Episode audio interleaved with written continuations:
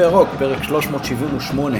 ניתן למצוא אותנו ברשתות החברתיות ולהאזין בספוטיפיי ובכל יישומוני ההסכתים, וגם בכל חיפוש בגוגל. נשמח אם תעקבו ותדרגו, ובעיקר ככל שתשתפו את הפרק הזה עם חברות וחברים, ותעזרו לנו להפיץ את הירוק הטוב הזה, לפחות לכל אוהדות ואוהדי מכבי.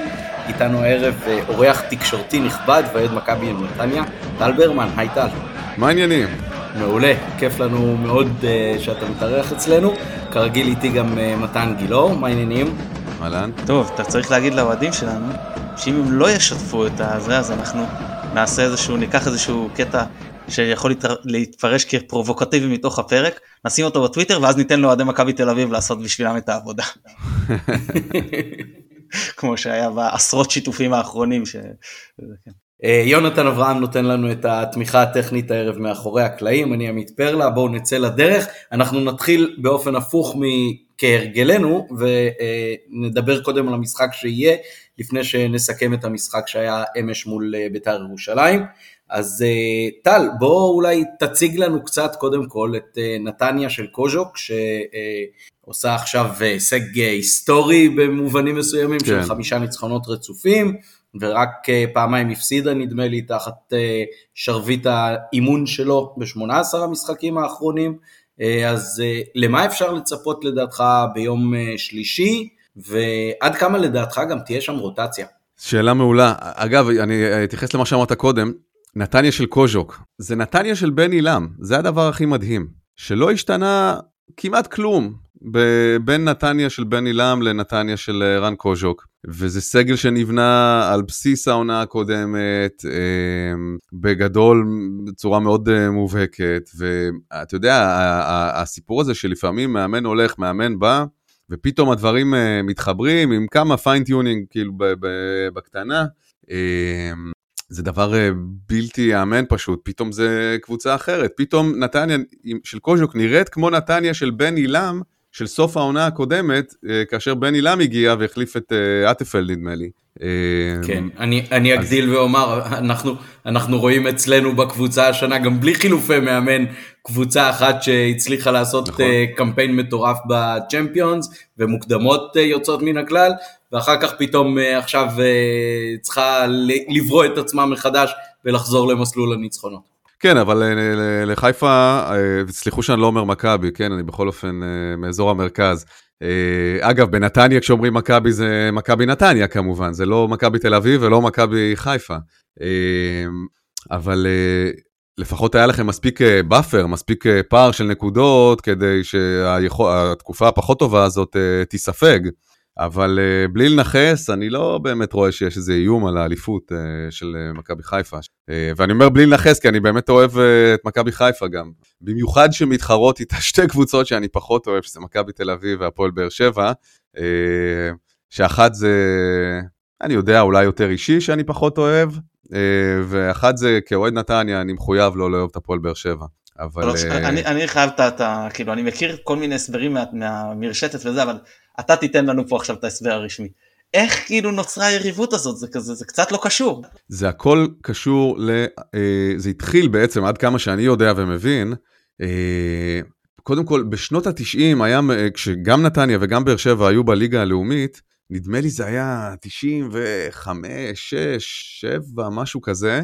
היה מרוץ אה, עלייה מאוד אה, דרמטי, בעצם נתניה אז ירדה לליגה הלאומית, רצתה לחזור, באר שבע הייתה אז טרום כמובן ימי אלונה, אה, והיה מרוץ אה, מאוד, אה, אלה היו שתי הקבוצות החזקות שהיו בליגה הלאומית, אז, אז שם כאילו נזרעו הזרעים של היריבות, אבל בעצם האיבה, אגב, אז בשנות ה-90 בבאר שבע אני, אני חוויתי חוויה, כמה חוויות מאוד אלימות, אני חושב שהקהל של באר שבע השתנה מאז וזה, אבל לקחו לי את הצעיף של נתניה ושרפו לי אותו מול העיניים. ואני ראיתי אוהד אה, באר שבע מעיף פטיש לכיוון האוהדים של מכבי נתניה בחנייה מחוץ לווסרמיל, אז... אה, אבל, אבל הקהל שלי השתנה, וכמובן זה עולם אחר, זה יקום אחר זה, מבחינת זה גם קצת פה תיאוריית החלונות השבורים, שאתה מעביר אותם מגן נכון. חיות כזה, שנראה שנראה בווסרמי לאיצטדיון מאוד מאוד מכובד כמו טרנר, אז אנשים גם נכון. לעיתים מתנהגים בהתאם. לגמרי, לגמרי. האנשים שנכנסים למוזיאון התנהגו בנימוס, שנייה אחרי זה יכולים להרוג אותך בחניון. אבל, אה, אבל אז, אז שם נזרעו הזרעים, אבל אני חושב שמה שבעצם הדליק את הגל הנוכחי בדור הזה, זה בשנת 2013, 3-0 אה, לבאר שבע בנתניה, באצטדיון אה, החדש חדש, מה שהוריד את נתניה שוב לליגה הלאומית. זה היה טראומה קשה, אצטדיון אם אני זוכר נכון, הוא היה מלא פעם ראשונה מאז בעצם טקס החנוכה שלו, שהיה שנה קודם, אמ, וזאת הייתה הטראומה הבאה, ש... פירקו שלוש, אה, אה, שלושה שערים. אני זוכר שאז הייתי במשחק הזה עם איזה בחור אמריקאי אה, מאוד עשיר, אפילו לא יהודי, ש... שאיכשהו, מהנוצרים האוונגליסטים האלה, שאיכשהו אני קשור אליו, לא משנה, בכל מיני קשרים משפחתיים עסקיים רחוקים נקרא לזה, אה, והבאתי אותו כדי, כי הם אוונגליסטים מאוד פרו-ישראל, וניסיתי כאילו לגרום לזה שאולי קצת אה, יתרמו כסף לנתניה, או... כי לפעמים מתלבשים על פרויקטים כמו לשפץ בסיס, בסיס צבאי ו- וכל מיני צהרוניות ומעונות וכולי. אמרתי אולי ידלקו הנוצרים האוונגליסטים מארצות הברית על קבוצת כדורגל מעיר קטנה וחמודה. והבאתי אותו למשחק וישבנו שם אה, ביציע, הוא כמובן מאוד התרגש אותו אדם, כי זו פעם ראשונה בכדורגל שהוא באמת כדורגל, לא הפוטבול. אה, וזה לא קרה בסוף, החיבור העסקי, אני לא יודע אם בגלל ה-3-0, אבל, אה, אבל זה היה רגע שאני לא אשכח אותו לעולם, גם הייתי עם הבן שלי במשחק הזה, שניסיתי להפוך אותו לאוהד מכבי נתניה, לצערי לא הצליח. ו... וזהו, אז שם בעצם התחילה השנאה אה, של היום. אני פחות מרגיש את זה כאילו מבחינה, בדם שלי, כן? אני, אני אוהב את אלונה ברקת, אני אוהב, אה, כאילו, אליניב ברדה, אני חושב שהוא אחלה מאמן, אני שמח לראות אותו מצליח. אה, אבל זה חלק מהנוהל, אני יודע, יש איזו איבה כזאת ב, ב, ברשתות, אז יאללה, בסדר, צריך, הרי נתניה קבוצה שאין לה באמת שנאות עם קבוצות אחרות. לא, אין איזה יריבה עירונית. אה, יחסית כולם אוהבים את נתניה, אז ככה שלא אה, רוצים שהדבר הזה יהיה באר שבע, יאללה בסדר, סבבה, אוקיי. כן, אתה, אתה מזכיר לי כשאתה אומר... לא, עמית, עמית, הוא נכנס לבית הכנסת הספרדי, ועכשיו צריך לנהוג במנהגי המקום, זה לא... כן, אני אומר, לא, שוב, אני, זה היה רגע מאוד קשה הירידה הזאת, אבל, אה, והיו עוד כל מיני קלאשים אגב.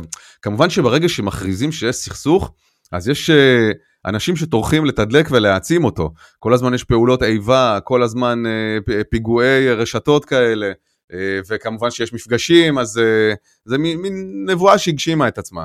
כן, זה, זה הזכיר לי כשהתחלת לדבר ואמרת, הסכסוך עד כמה שאני מכיר את ראשיתו, זה הזכיר לי את הספר של אפרים קישון על אין כמונים, שמגיע איזה מורחק ממרכז המדינה, איזשהו פוליטיקאי דרג ג' כזה, לכפר מנומנם שאין בו בכלל פוליטיקה, והוא מתסיס את הכפר והוא יוצר שם יריבויות שהם מעולם לא ידעו שקיימות, כן. אז uh, יכול להיות שזה פחות או יותר משהו כזה. כן, ואולי יש עוד דברים שאני מפספס, זאת... אני, כן. כן. יכול להיות, לא יודע. איזה, אולי איזה, שנות ה-70 איזה... אז נאבקו על האליפויות, לא? כאילו היו שתי קבוצות uh, טובות מאוד בשנות ה-70. כן, באר שבע לקחו פעמיים, נדמה לי, 75 ו-6 או 6 ו-7, נתניה כן. אז, זה היה בין אליפויות של נתניה, נתניה לקחו בתחילת ה-70, סוף שנות ה-70, כן. אה, כן, לצערנו, באר שבע התרוממו מאז אה, יפה יפה, ונתניה כמעט. כמעט. טוב, זה דווקא עיר, עיר אני חושב עם אה, פוטנציאל מהבחינה הזאת, כמו שבאר שבע מצאה את ברקת, יכול להיות שאם יהיה מישהו עם כיסים קצת יותר עמוקים, בנתניה יש בסיס, גם מבחינת קהל וגם מבחינת uh, תרבות כדורגל והכל, אני עוד זוכר נכון. את זה נכון. מילדותי, הקטע הזה שהרבה אנשים אומרים, לא, לא שונאים את נתניה, כי, כי באמת זוכרים גם את התקופה, בטח הדור שלי של uh, מכנס ולוי וגריאני ולעם ופיזנטי, כן. זאת אומרת באמת שמות מאוד מאוד גדולים וגם כדורגל מלהיב, זה לא האחד אפסים של הפועל תל אביב. נכון. נתניה היא הקבוצה השנייה הראשונה בישראל, אני חושב. כן, מבחינת האהדה של אנשים. הזה.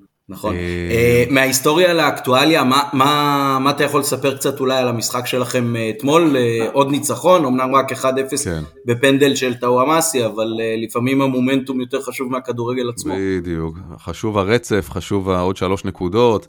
שמע, נתניה הייתה, דגדגה את הקו האדום, לפעמים מתחת אפילו בתחילת העונה הזאת, ופתאום מקום רביעי מבוסס, פלייאוף עליון, 99% מובטח, דבר מדהים. מה שנורא אהבתי לראות, זה בחדר ההלבשה אחרי המשחק, ריקודים, שמחה, משפריצים uh, מים, כאילו, אתה יודע, זכו בצ'מפיונס. וזה ניצחון 1-0 על חדרה בפנדל. Uh, וזה מראה אווירה בקבוצה, זה מראה ש, שבאמת יש רוח והתחבר שם הכל. ומול uh, חיפה בשלישי, uh, אגב, זה עולה היום הפודקאסט או, או, או מחר או ביום שלישי? או היום בערב או מחר. אוקיי, okay. אז מול, מול אה, חיפה, באמת אני מאמין שהכל יכול לקרות. ברור שחיפה קבוצה יותר טובה, סגל יותר עמוק, מאמן הרבה יותר מנוסה. אגב, אני חולה על, על ברק בכר, באמת, זה כאילו דמות אדירה בעיניי, מאמן אדיר. אני מקווה בשבילו שהוא שנה הבאה יהיה באירופה איפשהו. אמ, אבל הוא באמת המאמן הכי טוב שצמח פה כבר מזה המון המון המון שנים. כך או כך הוא יהיה באירופה בשנה הבאה. כן, בסדר, השאלה אם, אה, עם, עם איזה, איזה גייט הוא צריך להיכנס, בוא נגיד ככה, באלה הרחוקים או בקרובים יותר. כן, אמ, אנחנו כמובן לא, אבל אני חושב שברק בכר בהחלט יכול ללכת, להתחיל בקבוצה בינונית, בליגה סבירה, בתור אה, כניסה לאירופה בקלות. הוא לא יכול לאמן באיזה קבוצה בינונית, אה, לא יודע מה, בצרפת אפילו, או משהו כזה, בתור צעד ראשון, אפילו באיטליה. איזה ליגה שנייה באנגליה, משהו כזה בתור צעד בוא, ראשון. בוא אל תנכס אותנו גם בעניין הזה, טל. כן. לא, אני חושב שאם, אם, ואני באמת מאמין שחיפה תיקח אליפות השנה, אני חושב שהוא יכול בגאון אה, להיפרד מהכדורגל הישראלי ולהתחיל לחפש לעצמו אתגרים. אה, אה, אבל לגבי המשחק, הכל יכול לקרות. ברור שהסיכויים מראש הם לטובת חיפה, אין ספק בכלל. אבל זה עוד בסמי עופר, ו... אבל אבל הכל יכול לקרות, ראינו את זה השנה וראינו את זה גם עם נתניה, יכולה פתאום לתת משחק מטורף, הכל מתחבר, מסירות שאתה חושב שאתה רואה בכלל את uh, סיטי משחקת, ויכול להיות גם משחק שאתה אומר אלוהים, אלוהים, מי, מי פה החדרה, אתה מבין? Uh, ואז אז הכל יכול לקרות, אבל אני, סיכויים, אני מעריך את זה 70-30.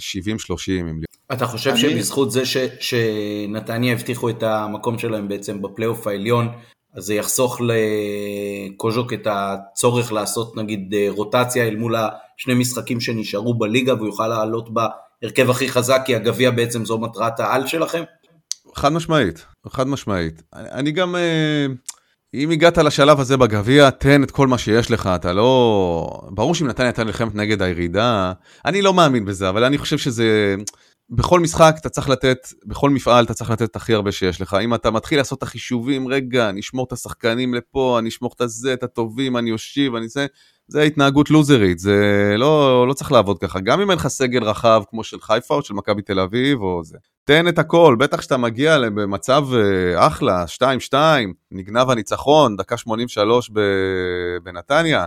אה, אז, אה, אז תן, תן, תן מה שיש, עם ההתלהבות, עם הכישרון, והכל יכול לקרות. בלי להיות מאזין קבוע שלנו, ובלי להיות חבר בקבוצת הוואטסאפ הקבועה שלנו, הרמת להנחתה למתן. אז בבקשה, שר הרוטציות שלנו, המיקרופון לא, שלך. אני, אני אגיד כמה דברים לפני. אחד, אני, אני כופר בזה שאנחנו אה, פייבוריטים, בלי ספק או משהו כזה, אני לא חושב שזה 70-30 בכלל. אה, סתם כי אתה לא רוצה לנכס, לא? לא, לא, אז, אז בוא, אז בדיוק, בדיוק רציתי להגיד, כדי שלא יחשבו שאני רוצה לנכס, בוא נוריד את זה מהשולחן. הפעם היחידה שהקבוצות נפגשו ברבע גמר, גביע, היה גם בית וחוץ. אנחנו לא רק שעלינו, גם לקחנו דאבל בסוף אותה עונה. זהו, עכשיו אף אחד לא יוכל לדבר פה שאני אה, אה, נח, אה, עושה איזה אמה יעמיק או משהו כזה, בסדר? הורדנו את זה. אני באמת חושב שנתניה, א', עם המומנטום הנוכחי, ב', עם התאמה זאת הקבוצה כמו שאני אומר, אמרתי לך תמיד עמית לאורך כל העונה שביתר ירושלים זו קבוצה שמאוד מתאימה לשחק נגד הקטנות, אבל נגד הגדולות אין לה התאמה, מאוד קשה לה, אנחנו ניגע, ניגע בזה בסיכום אה, שלנו. אני חושב שנתניה קצת הפוכה, יכולה מאוד להתקשות מקבוצות הקטנות, מול הגדולות היא מאוד מאוד מתאימה ולא לחינם 2-2 איתנו בגביע, התיקו בטרנר, הניצחון על מכבי תל אביב, וגם בפלייאוף של העונה שעברה, כשנתניה באים בלי לחץ, עצם זה שיש לה את הכלים והיא משחקת פתוח והיא תוקפת את הקבוצות והיא מפעילה עליהן לחץ שהן לא רגילות לשחק מול קבוצות שלוחצות אותן גבוה, אז היא משיגה תוצאות. זה שתיים. שלוש, אתה שואל אותו על הרוטציה? נתניה עושים רוטציה, חד משמעית. השאלה היא לגבי הרוטציה שלנו, זה אם אנחנו נמשיך עם הכלים החזקים או נעבור לכלים המשניים. נתניה נתנה לחלק מהכלים הכי משמעותיים שלה לנוח. זלטנוביץ' על המחליף אתמול, נכנס רק דקה 72. גנדלמן על המחליף. ברקוביץ', שפתח נגדנו בגביע, על המחליף. רוטמן היה מצוין, אולי יש שם משחק נגד מכבי תל אביב, על המחליף. חלק קדמי, חלקים מאוד משמעותיים מהחלק הקדמי, קישור קדמי ומעלה, נכנסו אתמול ולא שיחקו חלק גדול, הם יבואו הרבה יותר טרי. בעוד שאצלנו אתה מסתכל לאיזה שחקנים לא שיחקו. זאת אומרת, נגיד דין דוד, ואיזה עוד שחקן משמעותי, שהוא שחקן ליבה בקישור וצפונה, נגיד רק נכנס מחליף. אולי מחמוד ג'אבר, אתה מבין? לא, נתניה נתנה, היא עשתה את הרוטציה, אני מניח שזה במודעות, אה, אני לא, אני לא חושב שזלטנו, אם אין גביע, אני לא חושב שזלטנוביץ' פותח על הספסל, אני חושב שהוא פותח בהרכב. לא בטוח, לא בטוח אגב. אני לא בטוח. כל השמות האלה שנקבת בהם, כאילו הרוטציה, אף אחד מהם, אה, אתה יודע, זה לא אצילי ולא חזיזה ולא, זאת אומרת, זה שחקנים סבבה, כן? יכולים להיות תקופות טובות, תקופות לא טובות. זלטנוביץ', ראינו רצפים איומים של משחקים שהוא לא פוגע בכלל. זה, בוא נגיד, כולם פחות או יותר באותו לבל, זה לא שיש לך איזה סופרסטארים בולטים, נגיד חוץ מטאוואמאסי, ש... שאתה צריך לתת לו לנוח כדי שהוא יבוא בפיקס בתוך הזון למשחק. אז uh, אתה יודע, גם הרוטציה היא... זה וואלה, זה בערך אותה רמה של שחקנים כולם, ותלוי איזה יום uh, מישהו מהם תופס, והם כולם בסדר גמור, כן? אז יש תקופה שגנדלמן הוא עכשיו uh, פורח, ויש טאוואמאסי, התחבר לו פתאום, uh, זה מסוג השחקנים האלה שקודם כל זה מתחבר בראש, ואז זה מתחבר uh, ברגליים. Uh, אבל אבל בסדר, זה לא איזה ג'וקרי אסים מאיימים ש, שישבו רגע בחוץ כי צריך להתכונן uh, לחיפה. כל שחקן מהרשימה הזאת הוא לגיטימי והוא בערך באותה רמה. אני אשאל אותך ככה, אם אין גביע בשלישי, האם אתה חושב שטאוואמאסי יוצא דקה 64 במצב של 1-0? יכול להיות שלא. ספקולציה כמובן. יכול להיות שלא, יכול להיות שלא. אני לא יודע מה עבר לקושק בראש, יכול להיות שלא. יכול להיות שכן ויכול להיות שלא. ברור שזה לא משחק קריטי, כן? וכשיש 1-0, אז אתה יכול אה, להרשות לעצמך לתת לטאוואמאסי, והוא באמת היוצא מן הכלל, אתה צריך אותו במצב טוב, כי הוא השובר שוויון היחיד מבחינת... אה, שוב, הם כולם אחלה של שחקנים, כן, אבל ברמת אה, סטאר זה, זה טאוואמאסי, ההוא שהביא לך את הפעולה הלא צפויה, שאתה לא מבין מאיפה זה. אז יכול להיות, ואם נתניה הייתה נאבקת נגד ירידה נגיד, והיה צריך את ה-1-0 הזה על חדרה, לשמור עליו, או להגדיל אותו, אז אולי לא היה מוציא אותו. אבל ככה שזה משחקים על החמאה, על הפלייאוף העליון, אז, אה, אז, אה, אז יכול להיות, יכול להיות שאתה צודק בקטע הזה, כן? אמ, אני אגיד מעבר לזה שאני חושב שנתניה תסיים את העונה במקום הרביעי, אני חושב שהמקום הרביעי שלהם הרבה הרבה יותר בטוח מהאליפות שלנו, וזו אה, קבוצה שתתחיל לעשות רצף של השתתפות באירופה, שזה גם דירוג, זה גם ניסיון, זה כסף, אני פשוט לא, לא רואה מי מאתגר לך את המקום הרביעי כרגע, ואני רוצה לשאול אותך טל, שהיו עונות, העונות קצת אחרי שעליתם, כשהיינו באים למשחק חוץ נגדכם היינו מקבלים איזשהו strip בודד ביציע המערבי, אם אפשר לזכור את האחד אחד עם השער שוויון של סולליך, או את המאבק שהיה על אירופה ששועה שם גול אה, בתוספת הזמן בבעיטה חופשית, שלמרות שבאר שבע הפסידו 4-0, אה, עדיין בגלל אותו שער אה, אתם לא הגעתם לאירופה. מה קורה, למה הקהל כאילו לא, לא בא בהמוניו? כי אני חושב שהקבוצה היום היא יותר טובה מאותה קבוצה שהייתה באותן שנים, שהבאתם יותר. אה, יש עניין, אני חושב, של... קודם כל, כשקבוצה עולה מליגה לאומית, בטח קבוצה עם קהל גדול כמו של נתניה, יש את ההתלהבות של ההתחלה.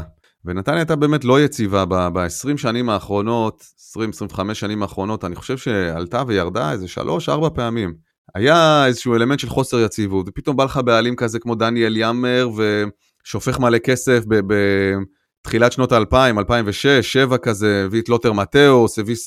אם אתם, אנשים לא זוכרים, אבל אז בתקופה של יאמר, נתניה סיימה פעמיים ברצף, אם אני לא טועה, מקום שני, בליגה, זה היה מטורף.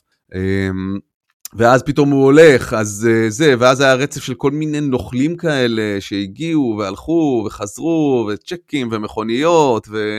כל מיני סיפורים כאלה שביתר נגיד סובלת מהם. באופן די רציף. אליהו אליהו זה היה בכלל אה, מגוחך, אבל אה, ברח לי השם של ההוא, נו, שחילק, עשה איזה טקס תחילת שנה, חילק מכוניות, כאילו באיזה ליסינג כזה, אני זוכר, הייתי אז מגיש בערוץ הספורט, שידרנו שידור חי, אני זוכר את הדגלים עם ה- על המכוניות של הליסינג, וואלה, עם אה, דורון אוסידון נדמה לי היה אז אה, המנכ"ל.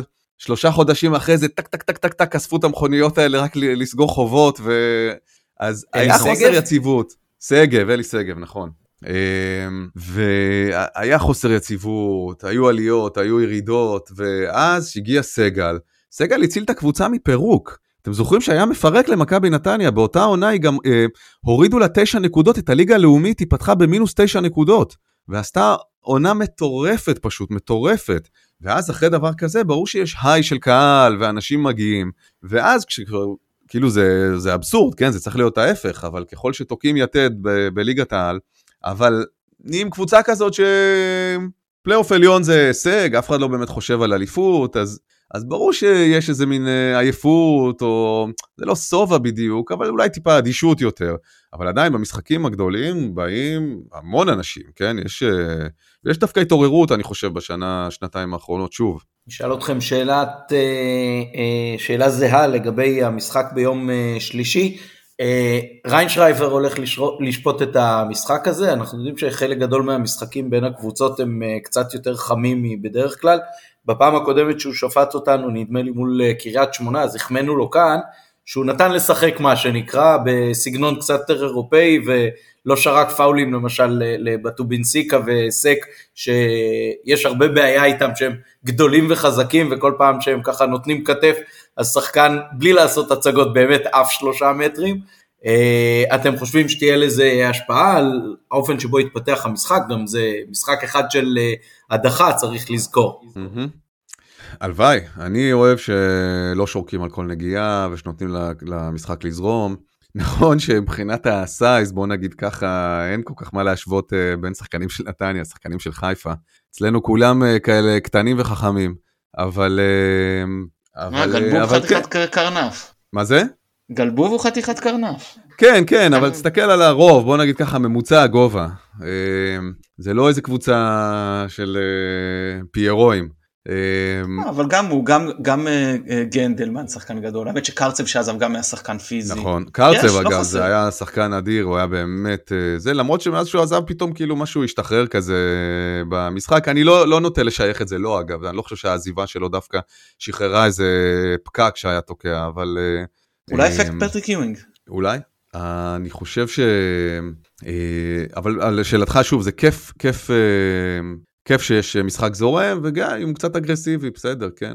אם צריך להוציא צהובים, צהובים, אדומים, אדומים, אבל uh, על כל, אתה רואה לפעמים משחק באנגליה, עכשיו תוך כדי שאנחנו מקליטים היה צ'לסי טוטנאם. משחקים כדורגל, משחקים כדורגל, זה כן משחק uh, שהוא קצת אגרסיבי, הוא פיזי, אין מה לעשות, זה חלק, מה, חלק מהדבר הזה.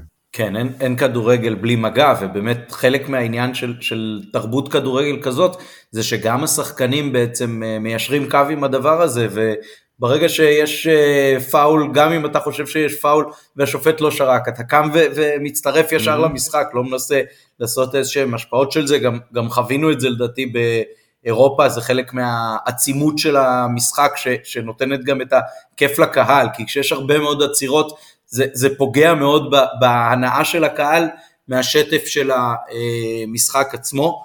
אה, אתה רוצה לנסות ולהעריך באיזה הרכב תעלו? אני חושב שמה שיהיה הכי חזק, שמי, אלה שיהיו הכי חזקים אה, ויעמדו לרשותו של אה, קוז'וק, הוא יפתח איתם איזה הרכב. אני, אני מניח שיש שם את הוואמאסי, הבלינקי החדש הוא, הוא חידה אה, עדיין, אבל אני מאמין שהוא יפתח איתו. אה, זלטנוביץ', אני גם מאמין שיעלה. אביב אברהם זה תמיד שאלה מעניינת, כי יש איתו כל מיני אישויים שאני מודה שאני לא מכיר לעומק עד הסוף, לפעמים מאמינים בו, לפעמים פחות מאמינים בו, אה, לפעמים הוא כזה ג'וקר שעולה מהספסל, אה, אבל אני חושב שצריך לעלות התקפי, גם אם זאת מכבי חיפה וקבוצה כאמור טובה יותר, צריך לבוא לשחק פתוח, זה, אה, זה גביע, זה חד פעמי, וזה גם ה-DNA של נתניה, זה לא קבוצה שבאה להסתגר. לא, אבל בוא, בוא, בוא אולי ננסה כן להרכיב 11 עם אה, יש לנו מן הסתם בשער את איתמר ניצן, ימין, אה, מה, מה אתה מאמין שזה יהיה אה, אה, קוסטנטין או ג'אבר? אני מאמין שג'אבר, אני מאמין שג'אבר, אני, קונסטנטין יש לו רגעים לא טובים. אני גם חושב שהוא יותר מתאים, ל... יותר כן. מתאים ל... לסגנון קונסטנטין הוא לא שלנו. מספיק מדויק בחלק ההתקפי, זה, זה משהו שצריך עוד לא בשל מספיק. כן, אבל הוא שחקן שיכול לתפוס קו לבד, והוא פיזי מאוד, ו- כן. ויש לו כושר גופני מצוין, זה גם, זה יתרון. אה, בלמים, זה בטח יהיו גלבוב ושלמה, אני מניח, נכון? אה, כן, כן. שלמה, אני אוהב את הפריחה, את הפריחה שלו. אני מודה שאני, אני כאילו, אולי בגלל הקדנציה שלו בהפועל תל אביב, אבל כל פעם שהוא עושה פעולות, והוא עושה פעולות נהדרות השנה, זה כאילו מפתיע אותי, זה לא מפסיק להפתיע אותי. זה, אני, אני עדיין כאילו חושש כזה, אבל הוא עשה קפיצה אדירה מבחינת ביטחון ויציבות, ובאמת אה, תחנה אחרונה כזאת. ומגן שמאלי, מי נראה לך? למרות שזה קשה, אבל אה, אה, נפתלי בלייק, אני, אני, אני, הוא, הוא, הוא לא רע, אבל קשה, קשה לי להאמין כן. שהוא, איך קוראים למגן השמאלי החדש שהגיע? טוב, אוקיי, לא, זה לא קריטי, ואז בוריס אינו נראה לי בנקר אצלכם, זה, כן, כן. זה בטוח, כמו שאמרת, אולי אביב אברהם, ש, שגם לא שיחק במשחק האחרון, ובאמת חלק קדמי, זלטנוביץ', אה, אה, בטוח, בלינקי אולי ו- ורוטמן, סתם אני מנסה ביחד לנסות להרכיב איתך איזה גם משהו. רוטמן אה, עושה בתקופה האחרונה התקדמות אה, מאוד יפה. אה, אתה רואה, זה בדיוק מראה, את ה- ש- תכף בטח אה, תדברו על ההרכב של אה, חיפה, אבל, אבל זה, שאתה שאתה אומר אתה, למה זה לא 70-30, אתה משווה את את השמות והאיכות והכושר, זה באמת לא, זה לא אותו דבר.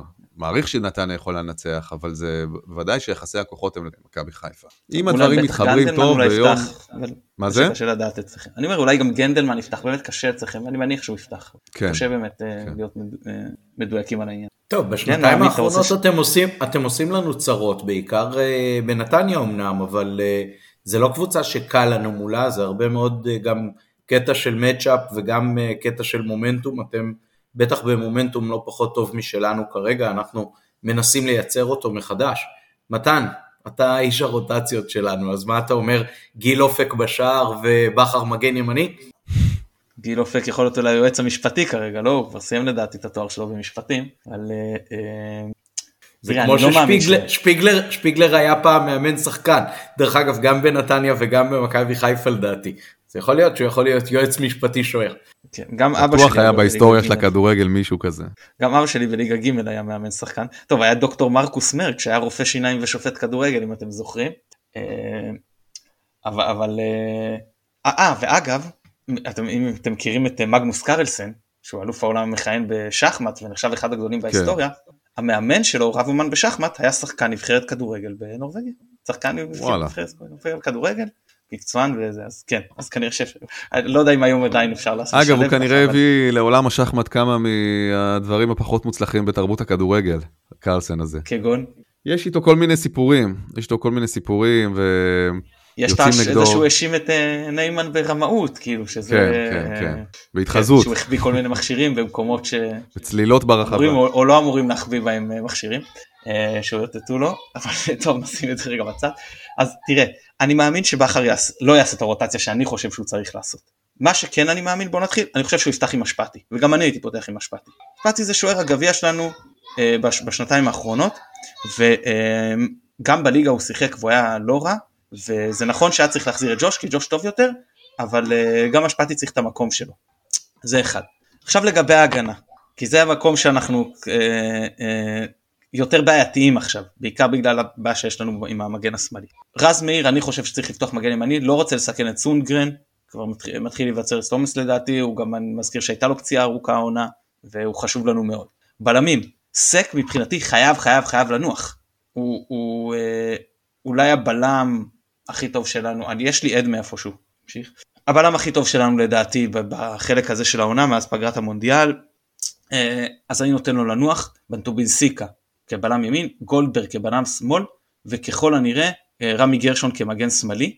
את קורנו אני לא מכניס לסגל, לא להרכב, לא מכניס אותו לסגל, גם אם uh, יש מי שיגיד שהוא uh, כשיר ואפשר לשחק איתו. לא מסכן אותו, אנחנו, מבחינתי האליפות הזאת היא כל כך חשובה והיא כל כך עליונה לגביע, שאם נפסיד את הגביע אני אתבאס אבל זה מבחינתי בסדר כאילו באסה לא נורא.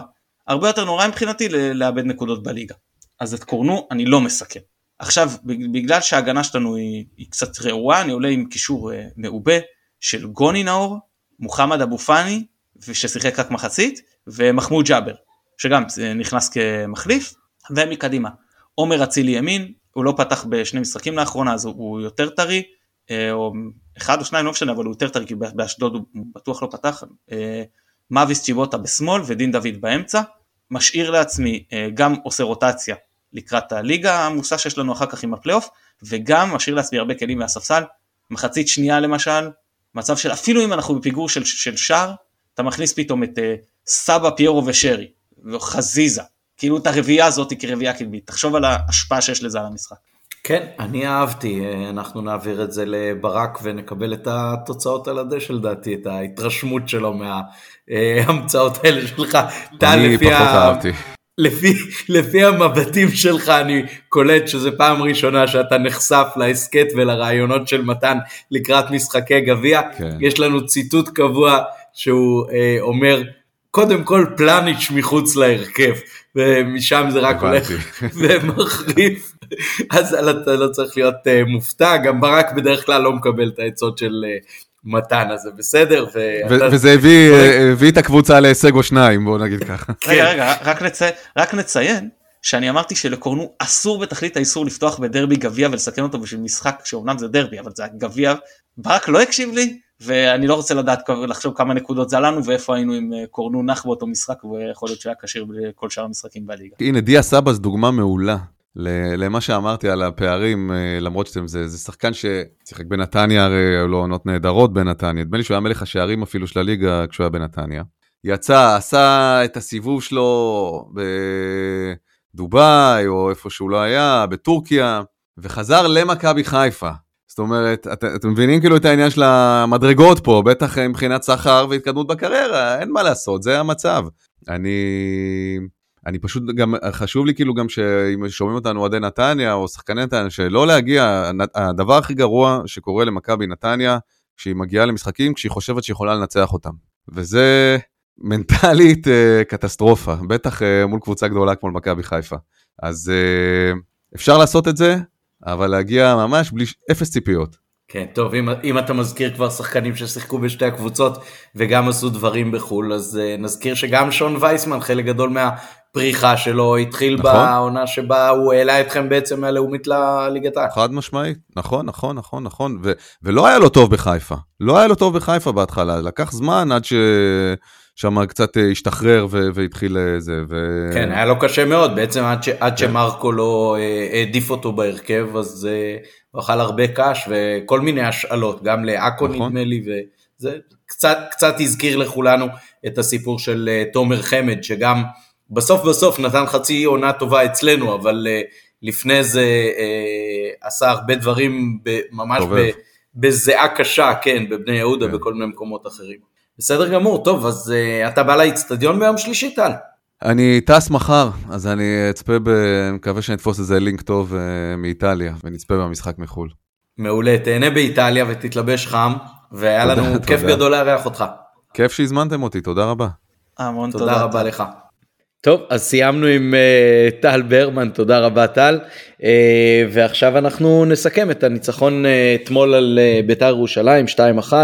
אה, נשארו שני מחזורים לסיום העונה הסדירה ומכבי קצת קצת הזכירה את מה שהיא יודעת לעשות. ההרכב היה נראה מאוד מאוד אה, ריסקי בהתחלה וכמובן שרבים כמוני וכמו בני משפחתי שישבו איתי אה, חשבנו שחזיזה רק מציג את עצמו בצד ימין ומהר מאוד ידלג שמאלה לאגף השמאלי אבל הופתענו ובסוף זה היה סוג של 3-4-3 כזה אולי קצת משהו שמזכיר את מה שעשה קונטה בצ'לסי בזמנו, אה, הרכב עם כל הכלים ההתקפיים באמת אה, בפנים, משהו ששילמנו עליו אולי קצת אה, בשער שספגנו, למרות שזה היה פנדל, ובעוד כמה מצבים מסוכנים של בית"ר, אבל בסך הכל גם אפשר למכבי להראות עד כמה היא יודעת טכניקה, עד כמה יש לה פוטנציאל של דאבל פאסים באזור הרחבה ולתוך הרחבה, כשפיירו גם שם ו- ומושך כמו מגנט חלק גדול מההגנה, זה באמת אה, יוצר אתגרים, ואני חושב שאולי לראשונה אחרי הרבה מאוד זמן, ראינו גם את אה, בכר קצת יוצא מהקופסה, קצת מפתיע, דברים שהוא עשה כבר לאורך השנתיים וחצי שהוא אצלנו, אבל התגעגענו לראות משהו ככה ש- שמאתגר את הצד השני. אני לא חושב שיש מישהו בקהל שלנו או בצוות המקצועי של בית"ר שיכול היה לדמיין שככה זה ייראה. איך התרשמת אתה מתן? כן, קודם כל השלוש ארבע שלוש הכי שאני חייבתי לראות היה של מילאן עם השלישייה של ליאונרדו וויה ובירוף כשלישיית חלוצים קצת אחרי יורו 96 כשבירו עזב את אודינזה ועבר למילאן. אמ, תראה, קודם כל אני מסכים גם אתה יודע מה? קודם כל זה ניצחון כל כך חשוב, זה הדבר הראשון שצריך להגיד. לפני היכולת, לפ... לקטוע גם בזה שהשלוש נקודות הפשוט קריטיות האלה, גם בזה שקטענו את הרצף הפחות טוב הזה שהיה לנו. נכון שהיה לנו ניצחון לפני שני מחזורים, אבל היינו במומנטום שלילי ויש הרגשה שהוא קצת נשבע עכשיו, אתה יודע, קומפשטס אומר אני ניצחון אחד משישה משחקים, עכשיו אתה אומר אני שני ניצחונות משלושה משחקים. זה כבר הופך את, ה, אה, את, ה, את הסיפור. אה, שומעים את הרעש שיש אצלי ברקע או בסדר? שזה לא מגיע למיקרופון. אוקיי יופי. אז אה, תראה, מבחינת מערך, בוא, בוא נתחיל מאחורה אז. כמובן ג'וש כהן שיחק, בוא תגיד לי אם אתה מסכים איתי או כופר במה שאני אומר. סק שיחק את המטאטה, מה שנקרא סוויפר, קשר אחורי, משני הצדדים שלו קצת יותר קדימה, שיחקו בימין סונגרן ובשמאל שון גולדברג כשני בלמים, ו... אם אתה מסתכל קדימה קצת אתה רואה שם את עלי מוחמד בתור uh, קשר אחורי. האם אתה מסכים איתי שזו הרביעייה הכי אחורית אצלנו ושככה הייתה הפריסה שלה פחות או יותר? כן אני בהחלט מסכים איתך אתה רק התבלבלת וקראת לסק קשר אחורי הוא כמובן היה בלם אחורי. בלם אחורי כן, ש... כן. כן, אני, אני חושב שאולי מה שמעניין להגיד על זה, זה שלמרות שזה היה סוג של uh, שלושה בלמים כאלה, כן, באופן מאוד מובהק, מי בימין, מי בשמאל, מי באמצע, אז בשלבים מסוימים של המשחק השחקנים אה, במרכאות ואת זה אולי קצת פחות אהבתי וזה באמת היה קצת יותר מדי מפחיד אה, בטח בגילי. אה, אתה רואה פתאום את סונגרן רץ על אגף ימין ושוכח היי אתה רק אחד משלושה בלמים ואין שם עוד מישהו שמחפה וגם לא ראיתי איזשהו חיפוי מאוד מאוד uh, משמעותי uh, והייתה שם איזושהי התקפה ששון גולדברג יצא עם הכדור קדימה כבלם פחות או יותר דרך האמצע אה, ובשלב מסוים חטפו לו לא רחוק מה, מהרחבה של בית"ר ואז גם היה חסר אה, סוג של חיפוי, זאת אומרת זה היה מבחינתי כבר too much, אבל אה, בסך הכל כן, בטח הצבא שאתה מתאר היא הצבא שראינו על הדשא. יפה, עכשיו כמו שאמרת רציתי לשאול אותך אם אתה מסכים, אבל אתה אמרת אז אתה, אז אתה מסכים שסונגרן ושון דחפו הרבה יותר גבוה ממה שהם דוחפים בדרך כלל וסק דווקא היה יותר מאופק ופחות דחף קדימה מה שהוא דוחף בדרך כלל, נכון? מה שאנחנו ראינו כאן, ככל שאני רואה את זה, זה מאח של יהלום. למרות שבדרך כלל כשאתה אומר יהלום ישר חושבים על קישור. לא, היה פה יהלום אחורי, רביעייה אחורית שמסודרת כיהלום ומי שילך ויראה את אה, ממוצע אה, אה, מיקום הפעולות של אותם שחקנים, זה אמנם לא גיאומטרית ממש מאוין, אבל זה הרביעייה שהכי קרובה אצלנו למאוין, וזה כשמשחקים יהלום בקישור זה פחות או יותר נראה ככה, פשוט פה זה נראה בחלק האחורי. כשהחלק האחורי שלנו הוא פחות או יותר איפה שקישור בדרך כלל נמצא, כן? כאילו זה דחפנו מאוד מאוד גבוה. עכשיו, אז זהו, אז זה היה מעין יהלום אחורי, כאילו משחק מאוד התקפי שלנו, וקדימה הרבה כלים התקפיים. חזיזה ואצילי מימין, שחזיזה קצת יותר אחורי ואצילי קצת יותר חותך לאמצע. אבו פאני וסבא בשמאל מתחלפים, נכון שאבו פאני לכאורה יותר אמצעי וסבא כאילו יותר קדמי ועל האגף, אבל כל הזמן מתחלפים. ראית את אבו פאני הרבה יותר על האגף ממה שאתה רואה אותו בדרך כלל, נכון? אני שוב מניח שלא אני לא אומר פה איזה משהו ש... ש... לא לא לגמרי ברור ברור ברור ש... שמי היה אחורי ומי היה קדמי ומי היה בצדדים כן מהבחינה כן. הזאת התצורה הייתה מאוד מאוד מובהקת. זהו וה... וה... והחזיזה שמשחק על הקו אפשר להצילי הרבה יותר להיכנס להיות לפעמים כחלוץ שני. שרי שיחק 10 לפעמים יותר גבוה ממה שהוא משחק בדרך כלל כי היו הרבה שחקנים התקפים שתמכו בו באמת העמסנו הרבה מאוד כלים התקפים. גיל שלי יקירי אה, וידידי היקר אומר תמיד שברד גרינברג בתור מאמן כדורסל הוא מאוד אהב אותו כי כשהיו הרבה שחקנים אינטליגנטים ושחקני התקפה טובים על המגרש אז היה שיטה אבל הוא בגדול נתן להם הרבה יותר חופש, וההרגשה שלי שבמשחק הזה, ברק נתן לשחקנים הרבה יותר חופש. נכון היה משימות טקטיות, נכון היה לחץ מאוד מאוד גבוה, אבל הרגשת שיש להם, לתחושתי, הרבה יותר חופש התקפי, הרבה יותר נכונות לשינוי מקום, לשחקן שיכול להרגיש מאוד מאוד חופשי, לחזוב את הקו עכשיו ולהיכנס לאמצע אם זה מה שהוא מרגיש לנכון. כאילו שחקנים, הרבה אינטליגנציה של שחקנים שחיים את המשחק ויודעים לקבל את ההחלטות אה, בעצמם, וזה היה נראה טוב. ועכשיו אני רוצה לגעת קצת בנוכחות של אה, פיירו השפיץ. קודם כל המשחק הכי טוב שלו, בטוח מאז אה, חזרה מפגרת המונדיאל, היה לו משחק טוב, גם אם הוא לא היה כובש מבחינתי עדיין הייתי אומר, לו ש... אומר שהיה לו משחק טוב, הביא לנו את אותם אלמנטים ש... שאהבתי לראות אצלו כפיבוט, שיודע לעצור, להשתלט על כדורים, לנצח במאבקים, אה, לחלק, להתיש את ההגנה, אני יודע שהיום צוחקים על זה שאומרים להתיש את ההגנה, אבל כן, לעשות עומס על ההגנה. ואני אגיד לך יותר מזה, כשאמרתי לך שכשבאשדוד הרמנו כדורים, אז נדב כל הזמן שאל, למי אתם מרימים את הכדור? זה, זה לא נראה שזה הולך לשום מקום, וזה לא נראה שאם תמשיך לעשות את זה, גם עוד 90 דקות יקרה מזה משהו. ופה הרגשת שכל הרמה היא כאילו, כל האצטדיון רגע מחכה. אתה יודע, עוצר נשימה, יכול לקרות משהו. כאילו שהרמה לא הולכת טוב זה לא תפסיקו להרים את הכדור, זה להמשיך לשחק ככה. ככה להמשיך לשחק זה, זה בסוף יבוא, כשיש לך כזה שחקן מטרה זה פשוט משנה את כל הדינמיקה של המשחק. אז כן, במידה מסוימת אה, היינו קצת חשופים, אבל, אבל באמת העמסנו הרבה כלים התקפיים ולקחנו סיכונים, ונגד בית"ר ירושלים אני חושב שזה מאוד נכון. כי דיברנו על זה לפני המשחק, בית"ר ירושלים יש שלושה שחקנים שלא משתתפים במשחק ההגנה. בית"ר ירושלים זה קבוצה שלא יודעת כמעט ללחוץ גבוה. גם אם משחקת הגנה גבוהה זה כמעט לעולם לא יגיע עם לחץ אמיתי על הבלמים. והפעם בניגוד למשחק שלהם נגד הפועל, שהם עלו עם קישור מעובה והפסידו בקישור, פה הם מראש ויתרו על המאבק בקישור. כי דגני שאז פתח קשר אחורי, פה שיחק בלם, כן? קריאף נכנס בתוך קשר אחורי, ויתרו על תמיר עדי, וקריאף היה כאילו לצד אה, תומה, עם אה, אבישי כהן ומורוזוב אה, אה, בצדדים, כן? וכמובן השלישייה הקדמית של שואה, אספריה וניקולה אסקו. עכשיו בהתחלה, השחקנים שלנו, לתחושתי, היו קצת לא מרוכזים. וכן, הם הצליחו קצת, אה, עד שצברנו מומנטום, הם הצליחו להפתיע אותנו בכמה מהלכים. אה, פנדל הכניסו, היה לי הרגשה שב-20 דקות הראשונות בערך לא משחקים כדורגל. אנחנו לא מצליחים לצבור מומנטום כי לא משחקים כדורגל. ואגב, אני לא מאשים פה את בית"ר ירושלים, אני לא מאשים את השופט, אני מאשים את השחקנים של מכבי. הנפילות, המריבות, הזה, תפסיקו עם השטויות, זה פוגע בנו. כאילו, אני, נכון, מאוד מאוד, אני גם... מאוד מאוד חששתי אחרי הפנדל ומה שהיה סביבו.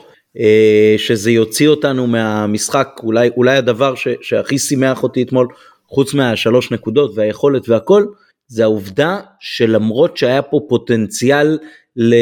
לאבד את הראש במרכאות, uh, הקבוצה הייתה מאוד מאוד מפוקסת על זה שהיא צריכה פה להבקיע את שני השערים, להפוך את זה ולא לספוג יותר, ו- ו- ושיחקה 90 דקות כדורגל ש- שבא לנצח. זאת אומרת, הקריטיות של הדבר הייתה מאוד מאוד מובהקת, ואני היינו בשבת חתן בנתניה אתמול, ואני לא זוכר אם עם אחד הגיסים או עם הבת שלי, אה, אז אמרתי שההרגשה שלי למשחק היא מאוד מאוד טובה, שהמשח... שההרגשה שלי לקראת משחק היא בדרך כלל תמיד מוטעית, או כמעט תמיד, אה, אבל אם אני צריך לבסס את, את התחושות שלי לקראת המשחק, אז הקבוצה ספגה מכה מאוד חזקה באגו של כל אחד מהשחקנים.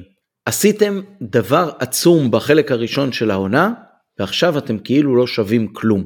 לכולם היה מה להוכיח, כולם אה, מה שנקרא עכשיו אה, נמרחו בזפת בכיכר העיר אחרי החודש האחרון, ועכשיו הם צריכים כאילו, הלו הלו, אנחנו עדיין האלופים, אנחנו עדיין עשינו קמפיין מטורף השנה באירופה, אנחנו עדיין שחקנים עם יכולות שמעל הליגה הזאת, בטח מעל אה, כמעט כל הליגה הזאת, ו- ואולי שווי כוחות, אולי לא, אבל, אבל פחות או יותר, זאת, אנחנו בטופ 3, זה לא זה, אנחנו מוליכים את הליגה כבר כמה וכמה חודשים, כאילו תירגעו עם כל הביקורת עלינו, עכשיו אנחנו נבוא ונראה לכם בחזרה.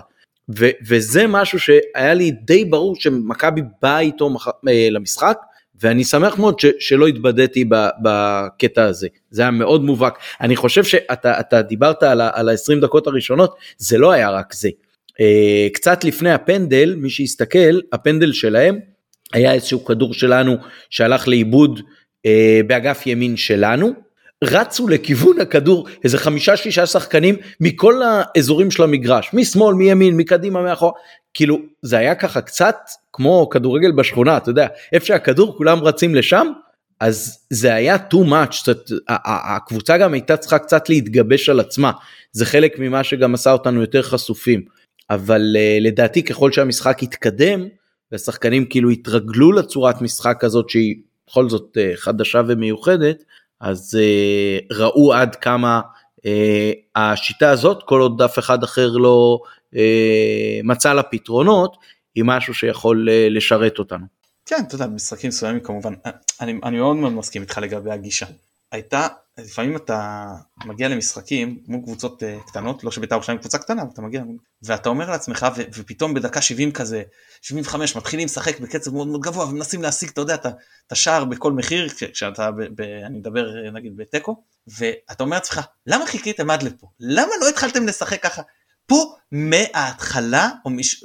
דקה 15-20 שיחקנו ככה של קבוצה שעכשיו אומרת אני לא משאירה את זה לרבע שעה האחרונה אני, אני אקח את זה כבר לפני אפילו עם הפיגור. וכן, תראה, היו כמה דברים אה, שלא אהבתי בהתחלה.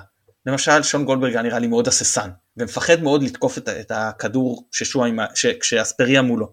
הוא מפחד מהדריבל שלו, מהמהירות שלו, אבל היו פעמים שאתה אומר, זה כבר שלך, כאילו רק, רק תיגש.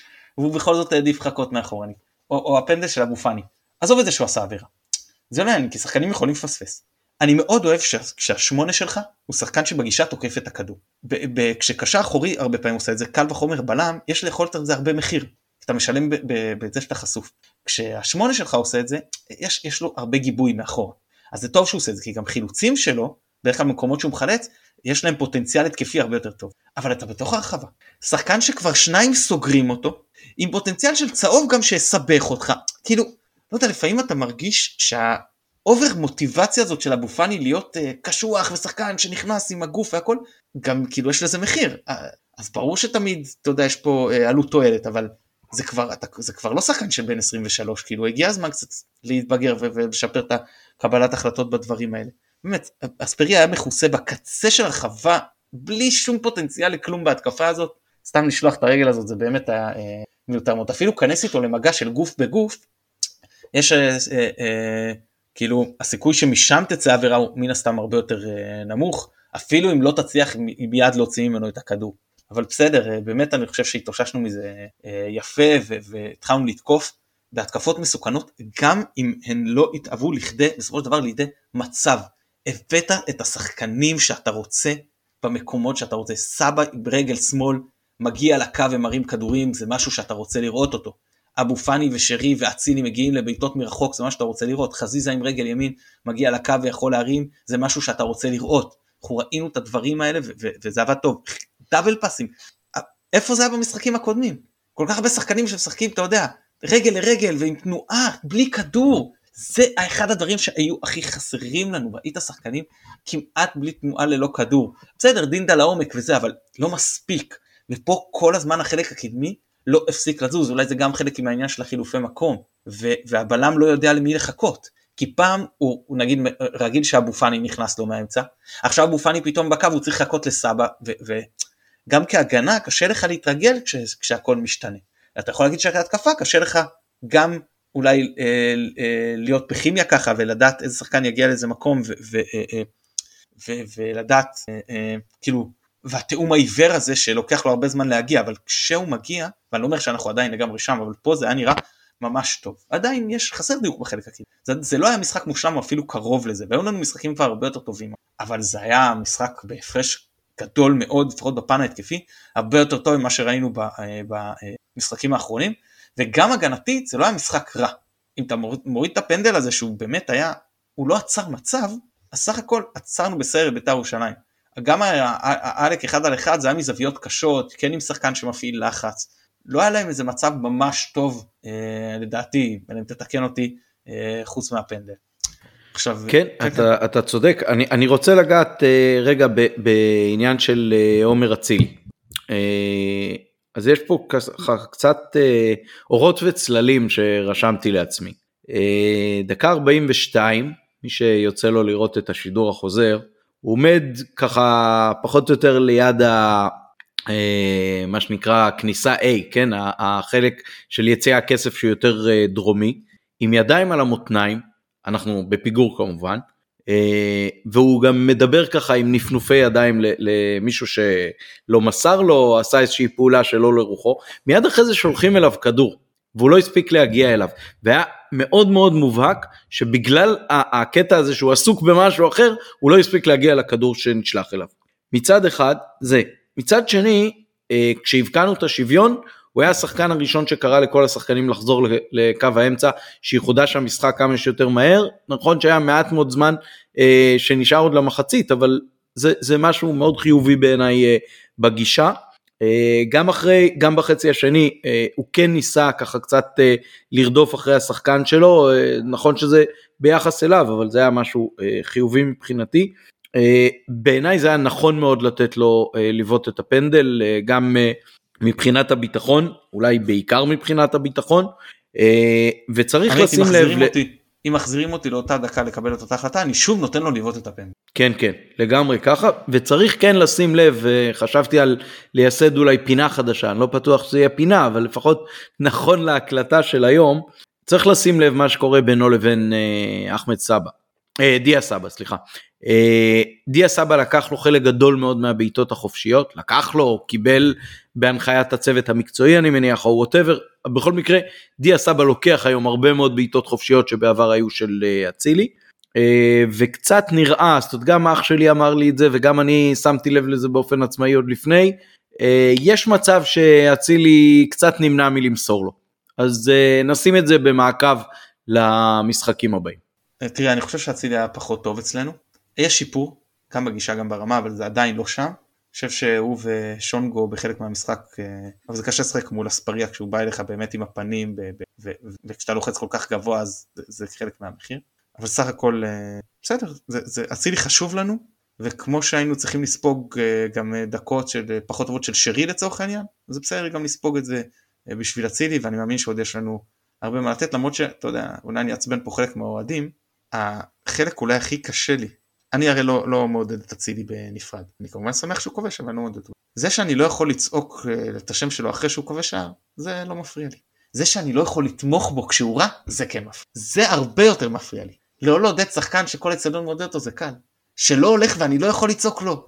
קדימה יאללה זה כמו שאני יכול לצעוק לשחקנים אחרים ולדרבן אותם וואלה זה קשה אבל אני, אני לא אעשה את זה אבל זה קשה לי ואני מרגיש שפה לקחו לי כאילו משהו בתור אה, איזשהו קו אהדה שאני מאוד מנסה להתמיד ופה זה היה לי קצת קשה אבל זה חלק מהעניין. אה, תראה לחצנו לחצנו באמת הגענו למצבים והחטאות ואז מגיע השער של שרי. והאיצטדיון כולו בשילוב של כבשנו איזה כיף לבין יאללה מהר קחו את הכדור בואו נחדש ננסה אולי להשיג עוד משהו לפני המחצית. ואז פוסלים. וכשזה על סף המחצית זה באמת יכול להיות עם כל התקופה הרעה ועם כל ההחטאות שהיו לך במשחק והחוסר דיוק וזה שידעת שמכבי ניצחה וצימקה לשתיים הייתה הרגשה של אוף כלום לא הולך עכשיו. ומפה השחקנים ידעו לאסוף את עצמם ולתת גול אחרי התקפה. וזה מראה אה, אה, זה היה פשוט אה, כאילו ככה משחק לקבוצה גדולה שמקבלת סטירה אחרי סטירה אחרי סטירה ולא מעניין אותה היא ממשיכה בכל הכוח. וזה היופי של מהלך עם הלחץ של פירו שגרם לחילוץ עלי מוחמד בסופו של דבר הביא את הכדור לאבו פאני שמסר לפירו וקיבלנו את כל פירו במהלך אחד.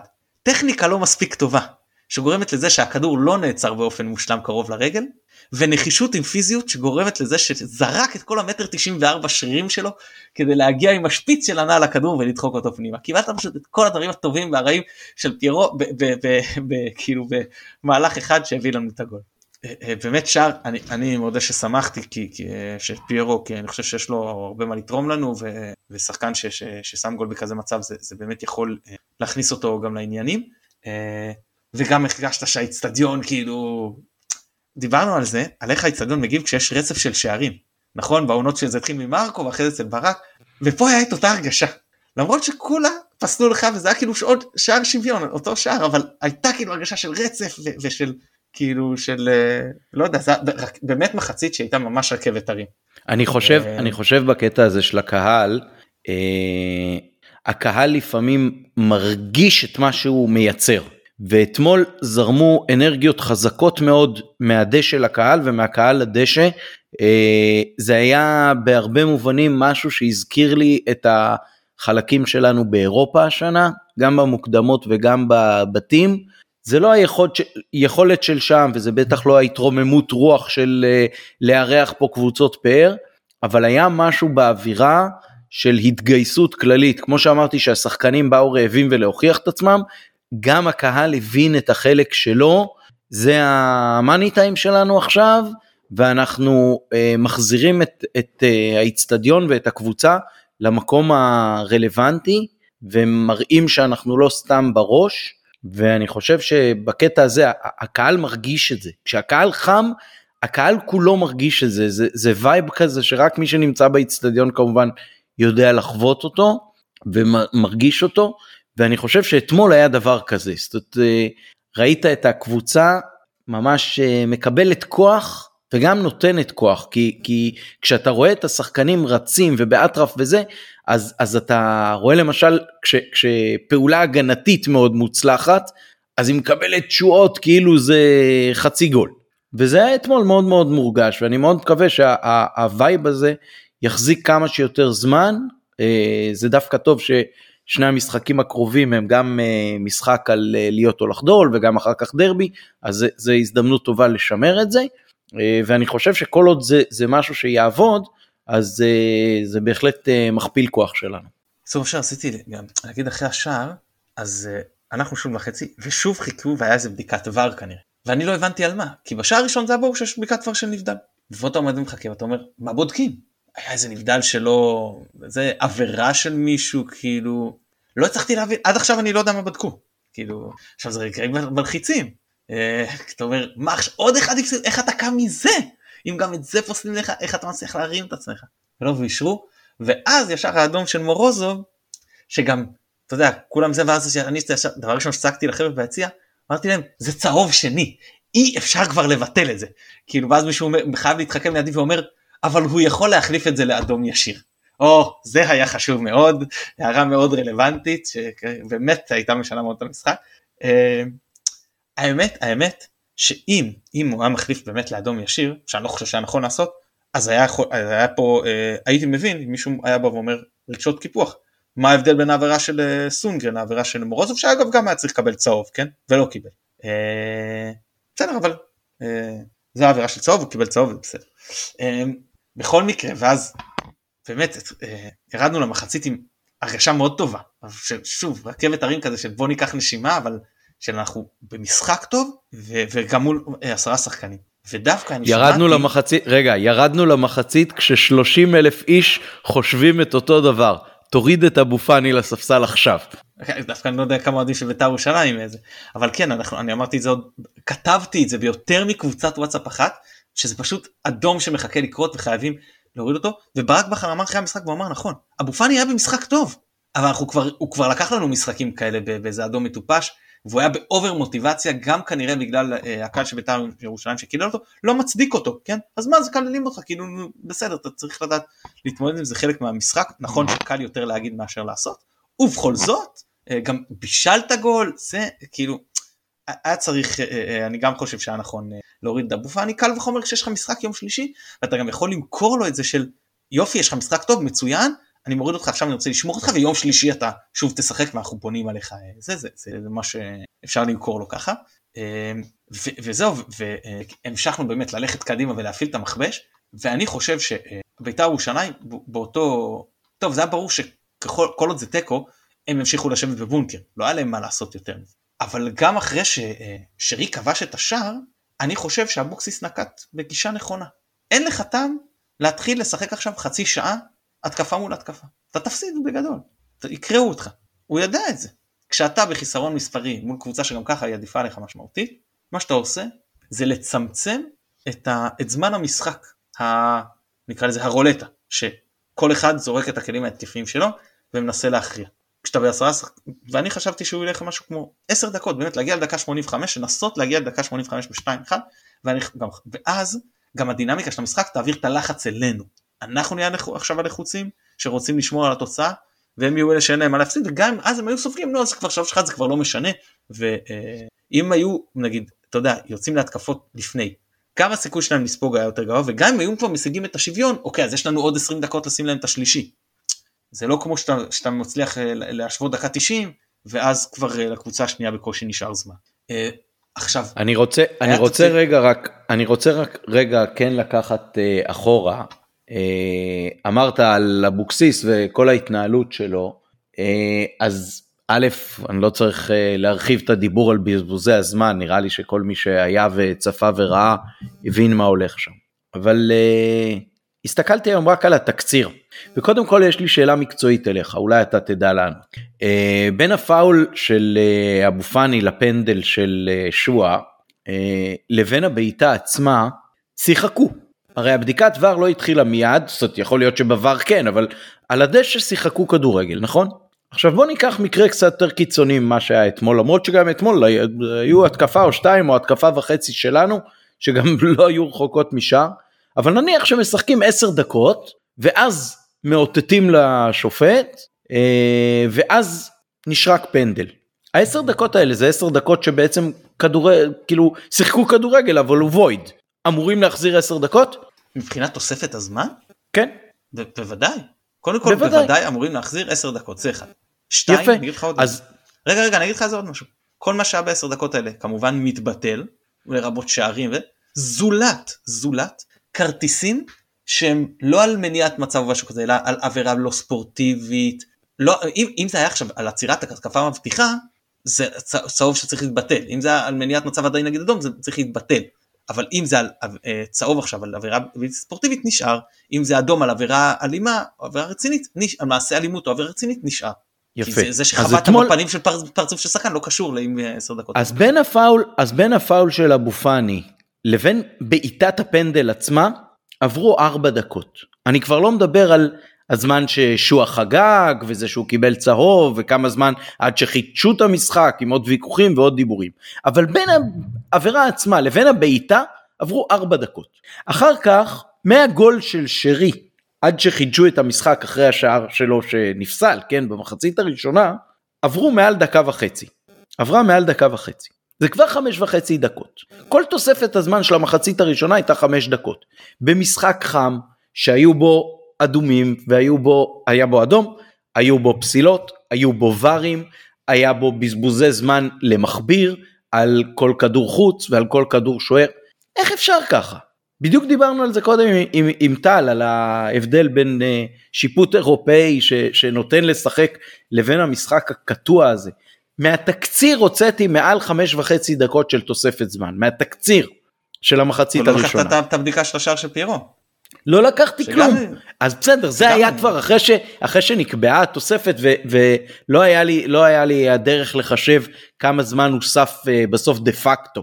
אבל כשבדקה 45, כשכבר אנחנו יודעים גם על בדיקת עבר לגבי שרי וגם לגבי הפנדל של אבו פאני, שרק שני האקטים האלה לבד היו חמש וחצי דקות, איך אתה מוסיף חמש? איך אתה מוסיף חמש? דיברו על זה במונדיאל שהוסיפו הרבה מאוד זמן. תתחילו ליישם את הדבר הזה. אוקיי. אמ, אז, אז עברנו למחצית השנייה. אה, היה את האירוע עם אה, אספריה, אנחנו לא נתעלם, נגיע לזה בנביחות, כאילו לא ניתוח מקצועי, נדבר על זה בהמשך. אה, בכל מקרה, אז, אז אני חושב שאבוקס עשה נכון גם כשהוא הוציא את אספריה ואת ניקולסקו, אחרי שהוא הוציא את שואה במחצית, זה, זה היה ברור, ראיתי עם אנשים שכותבים, שואה השחקן הכי טוב, איך הוא הוציא אותו במחצית. כן, אבל צריך להבין, הוא לא יכול לשחק עכשיו בלי מגן שמאלי, הוא גם בתיקו, הוא לא בפיגור. אז ברור שהוא צריך להכניס עכשיו שחקן הגנה. ואת מי הוא יוציא? זה ברור שהוא צריך לשחק על כדורים ארוכים. ועם כדורים ארוכים אז אתה משאיר את השחקנים היותר מהירים, עם דריבל יותר טוב, ופחות השחקן שיכול עכשיו לתת מסירות אה, אה, יותר טובות באזור של הרחבה, זה פחות רלוונטי, לסגנון כזה של משחק. אני חושב שאבוקסיס עשה נכון שהוא הוציא קודם כל את שואה, ואני חושב שאחרי זה הוא עשה נכון שהוא הוציא את אה, ניקולסקו ואספריה, כי מה לעשות, הם שחקנים שפחות תורמים משחק ההגנה. ואתה צריך פה כלים שהגנתיים שיביאו אותך לרגעים האחרונים. אה, אה, אה, כאילו בפיגור אחד מקסימום. זהו, השער של שרי אחריו, כאילו, אני לא חושב שהייתה ממש התפוצצות, היה כיף והכל, אבל עדיין היה, אתה יודע, נשאנו את התקופה הזאת על כתפינו והיה מאוד רצון לראות את השלישי. אני מאמין שאם היה מגיע השער השלישי, אז כן הייתה איזושהי התפוצצות, וכמו שאמרת, הפנדל, שאני לטעמי לא חושב שוואר היה צריך להתערב פה, זה לא היה, בגלל אותה דחיפה של סק, אני לא חושב שזה היה חד משמעי, אני חושב שהיו צריכים להישאר עם ההחלטה המקורית, בין אם, היא פנדל ובין אם לא, ברגע שנקבעה החלטה מקורית, זה המצב הדי, כבר לא צריך להתערב. אה, בכל מקרה נתנו לנו אה, פנדל, אני חשבתי שאצילי צריך לבעוט א' כי הוא הבועט הכי טוב שלנו, של הפנדל, וב' כי הוא נראה גם, אני חשבתי, חשבתי שזה דבר שיכול לעשות לו טוב אה, לכבוש עכשיו שער, בעט החוצה, לא נורא שוב, רציתי מאוד לעודד אותו, לא, כאילו את השחקן של מכבי שהחטיא, לא את אצילי, כן, וכזה מצב, ולא יכולתי, אבל בסדר. אני מקווה שהוא לא לקח את זה קשה מדי, וראיתי שגם שחקנים עודדו אותו, ותראה, סך הכל זה פנדל קל, כשאתה מוביל מול עשרה שחקנים בבית, זה פנדל קל. כי אתה, יש לך את מלוא מרווח הטעות. שהוכח, הוא הכתיב מה שנקרא ולא קרה כלום. אה, זהו, עכשיו, מחמוד ג'אבר, אני רוצה. להתעכב עליו, שחקן שפשוט מחכה לטרוף את המגרע משחק, ויש לו את המגרעות שלו, ולפעמים אתה אומר שהוא יכול להיות קצת חסר אחריות ולא לתרום מספיק לקישור, אני לא יודע איזה הוראות בדיוק בכר אה, נותן לו, שהוא מחפש אה, אולי יותר מדי את הקדימה, אבל הוא מחכה, לא מחכה, הוא מחכה לטרוף את המשחק, הוא רוצה לרוץ, הוא רוצה להיכנס למאבקים, הוא רוצה לגעת הכדור, הוא מבקש להיות חלק מהמשחק. אה, זה כיף לראות שחקנים כאלה, שגם אם הוא חוזר אחרי פציעה ארוכה, וגם אם המעמד שלו בהיררכיה, הוא לא נתפס עדיין ככוכב, וגם אם הוא יותר צעיר, הוא, הוא כל הזמן, הוא, הוא רוצה. אה, וזהו, אה, אני, והוא מחפש גם, אין לו בעיה, הוא בועט למסגרת, והוא, והוא, והוא גם מפרגן לאחרים. זהו, אני, אני ממש ממש מבסוט ממנו, ופשוט הייתה לו, אה, אחרי משחק הרבה פחות טוב באשדוד, הייתה לו מחצית אה, שנייה ממש טובה לדעתי, אה, לעומת נגיד דין דוד, שנכנס במקום פיירו, והייתה לו, לו משחק פחות טוב, וגם באו בתלונות ואמרו, עד שפיירו טוב, למה אתה מוציא אותו? ואני אומר כאילו, מה, איפה הייתם בתקופה האחרונה? כאילו, אנחנו יודעים שפיירו לא היה כשיר. אז, אז, אז, אז מה, אז שוב להעמיס עליו, ושוב שייפצע, ושוב שייכנס תקופה רעה? כאילו, אם לא תיתן לו לנוח כשאתה מוביל בבית עשרה שחקנים אחרי תקופה כזאת שהוא לא כשיר אז מתי כן, ושאתה יודע שיש לך משחק יום שלישי. אה, לא, לא, זה היה חילוף מאוד נכון של אה, בכר לדעתי. אה, ואחרי זה בסדר, הכניסה של, של פטובינסיקה ורוקאביצה במקום סבא וחזיזה בסדר גמור, מובנת לדעתי לעבור לשחק ממש בקו הגנה של קו 4, ובסופו של דבר גוני במקום אצילי. כדי אה, לתת עוד, עוד שחקן לקישור אחורי, ואז קרה משהו בדקות האחרונות שאני לא אהבתי, אני מניח שגם אתה לא אהבת, ואני מניח שכל מי שיושב באצטדיון לא אהב, וזו תהליכה אחורה. ובכר אמר אחרי זה, טבעי שהשחקנים שרצינו לשמור על תוצאה, אבל לא, אני פשוט לא חושב שהקטנו את הסיכוי לספוג שער בזה שהלכנו אחורה. אם היית אומר לי, אתה משחק עכשיו מול אה, אה, מכבי תל אביב בבלומפילד, והמשחק הוא 50-50 כזה, ואז בדקות האחרונות אתה הולך אחורה, אתה מרכז כלים בחלק האחורי, לא עד כדי כך בכל מקרה, אבל נגיד מתבונן על, על קו החצי, לא נותן להם הרבה שטחים, אני אומר לך, אתה יודע מה? אני יכול לאהוב את זה על מה שאני יכול להבין. פה אני לא יכול להבין, כי בית"ר ירושלים לא עשו כלום. אתה חונק אותם, אתה לוחץ אותם גבוה כשאתה ביתרון מספרי, הם לא מצליחים להגיע לשער. פה פשוט נתת להם להתקרב, אני חשבתי שזה היה ממש ממש לא נכון, וזה גם לא נתן לנו איזה יותר מדי סיכויים בהתקפות מתפרצות, וגם כשהרווחנו את הכדור, אתה אומר אתה כבר בתוך תוספת הזמן, תזיז אותו, תזיז אותו שלוש דקות. הם יכולים לעשות משהו? הם לא יכולים להוציא לך את הכדור מהרגל, תזיז אותו בין השחקנים שלך עד שתשמע את השריקה. ולא חיפשנו כאילו לרוץ קדימה. למה? למי? באיזה כדורים ארוכים? למי אתם מעיפים עכשיו כדור ארוך? תחזיקו את הכדור ברגל. זה גם בית"ר ירושלים, זה לא איזה קבוצה שלוחצת גבוה, אם יש לך עכשיו את נתניה. אם נתניה אתה מסתבך מולם בדקות האחרונות, אני אומר לך, אתה יודע מה? תעיף. כי, כי הם יודעים ללחוץ אותך והם יכולים להרוויח את הכדור על סף הרחבה ולעשות לך צרות. מי בית"ר ירושלים ירוויח לך את הכדור שם? כאילו, באמת, זה היה דקות שאני אני באמת, כאילו, אתה יודע, ממש החסרתי פי עם ה... הצלחנו פשוט לספח את עצמנו ולהקשות על עצמנו סתם בהליכה אחורה. כשהלך, שוב, כשהלכנו נגד יובנטוס בדקות האחרונות אחורה, אמרתי, זה מובן. אנחנו עייפים, קבוצה איכותית, אתה רוצה לא לתת להם אה, אה, אה, הזדמנויות, בסדר, לא לתת להם אה, שטחים, בסדר. פה זה פשוט היה לי לא ברור, ואני חשבתי שברק צריך לנזוף בשחקנים שלו ולהגיד להם, רוצו קדימה, מה אתם עושים? בעיקר כשאנחנו כבר עם קו הגנה ועם אה, שני שחקנים שמשחקים כאילו קשרים יחסית דפנסיבי אז השישייה הזאת יכולה יותר להישאר וה, והרביעייה הקדמית יכולה כן ללכת וללחוץ ולשבש לבית"ר ירושלים את הנעת הכדור ולכל הפחות לא לתת להם לתקוף עם כל כך הרבה כלים להכריח אותם להשאיר הרבה יותר כלים מאחור. הדקות האחרונות בהחלט היו מאוד מאוד מלחיצות אני אתייחס לשני דברים שאמרת. אה, קודם כל אה, לגבי ג'אבר באמת מחצית שהוא נתן שהייתה פנטסטית בעיניי האתגר לדעתי של מכבי, של בכר, של הצוות המקצועי, זה למצוא את הנישה הנכונה עבורו במגרש.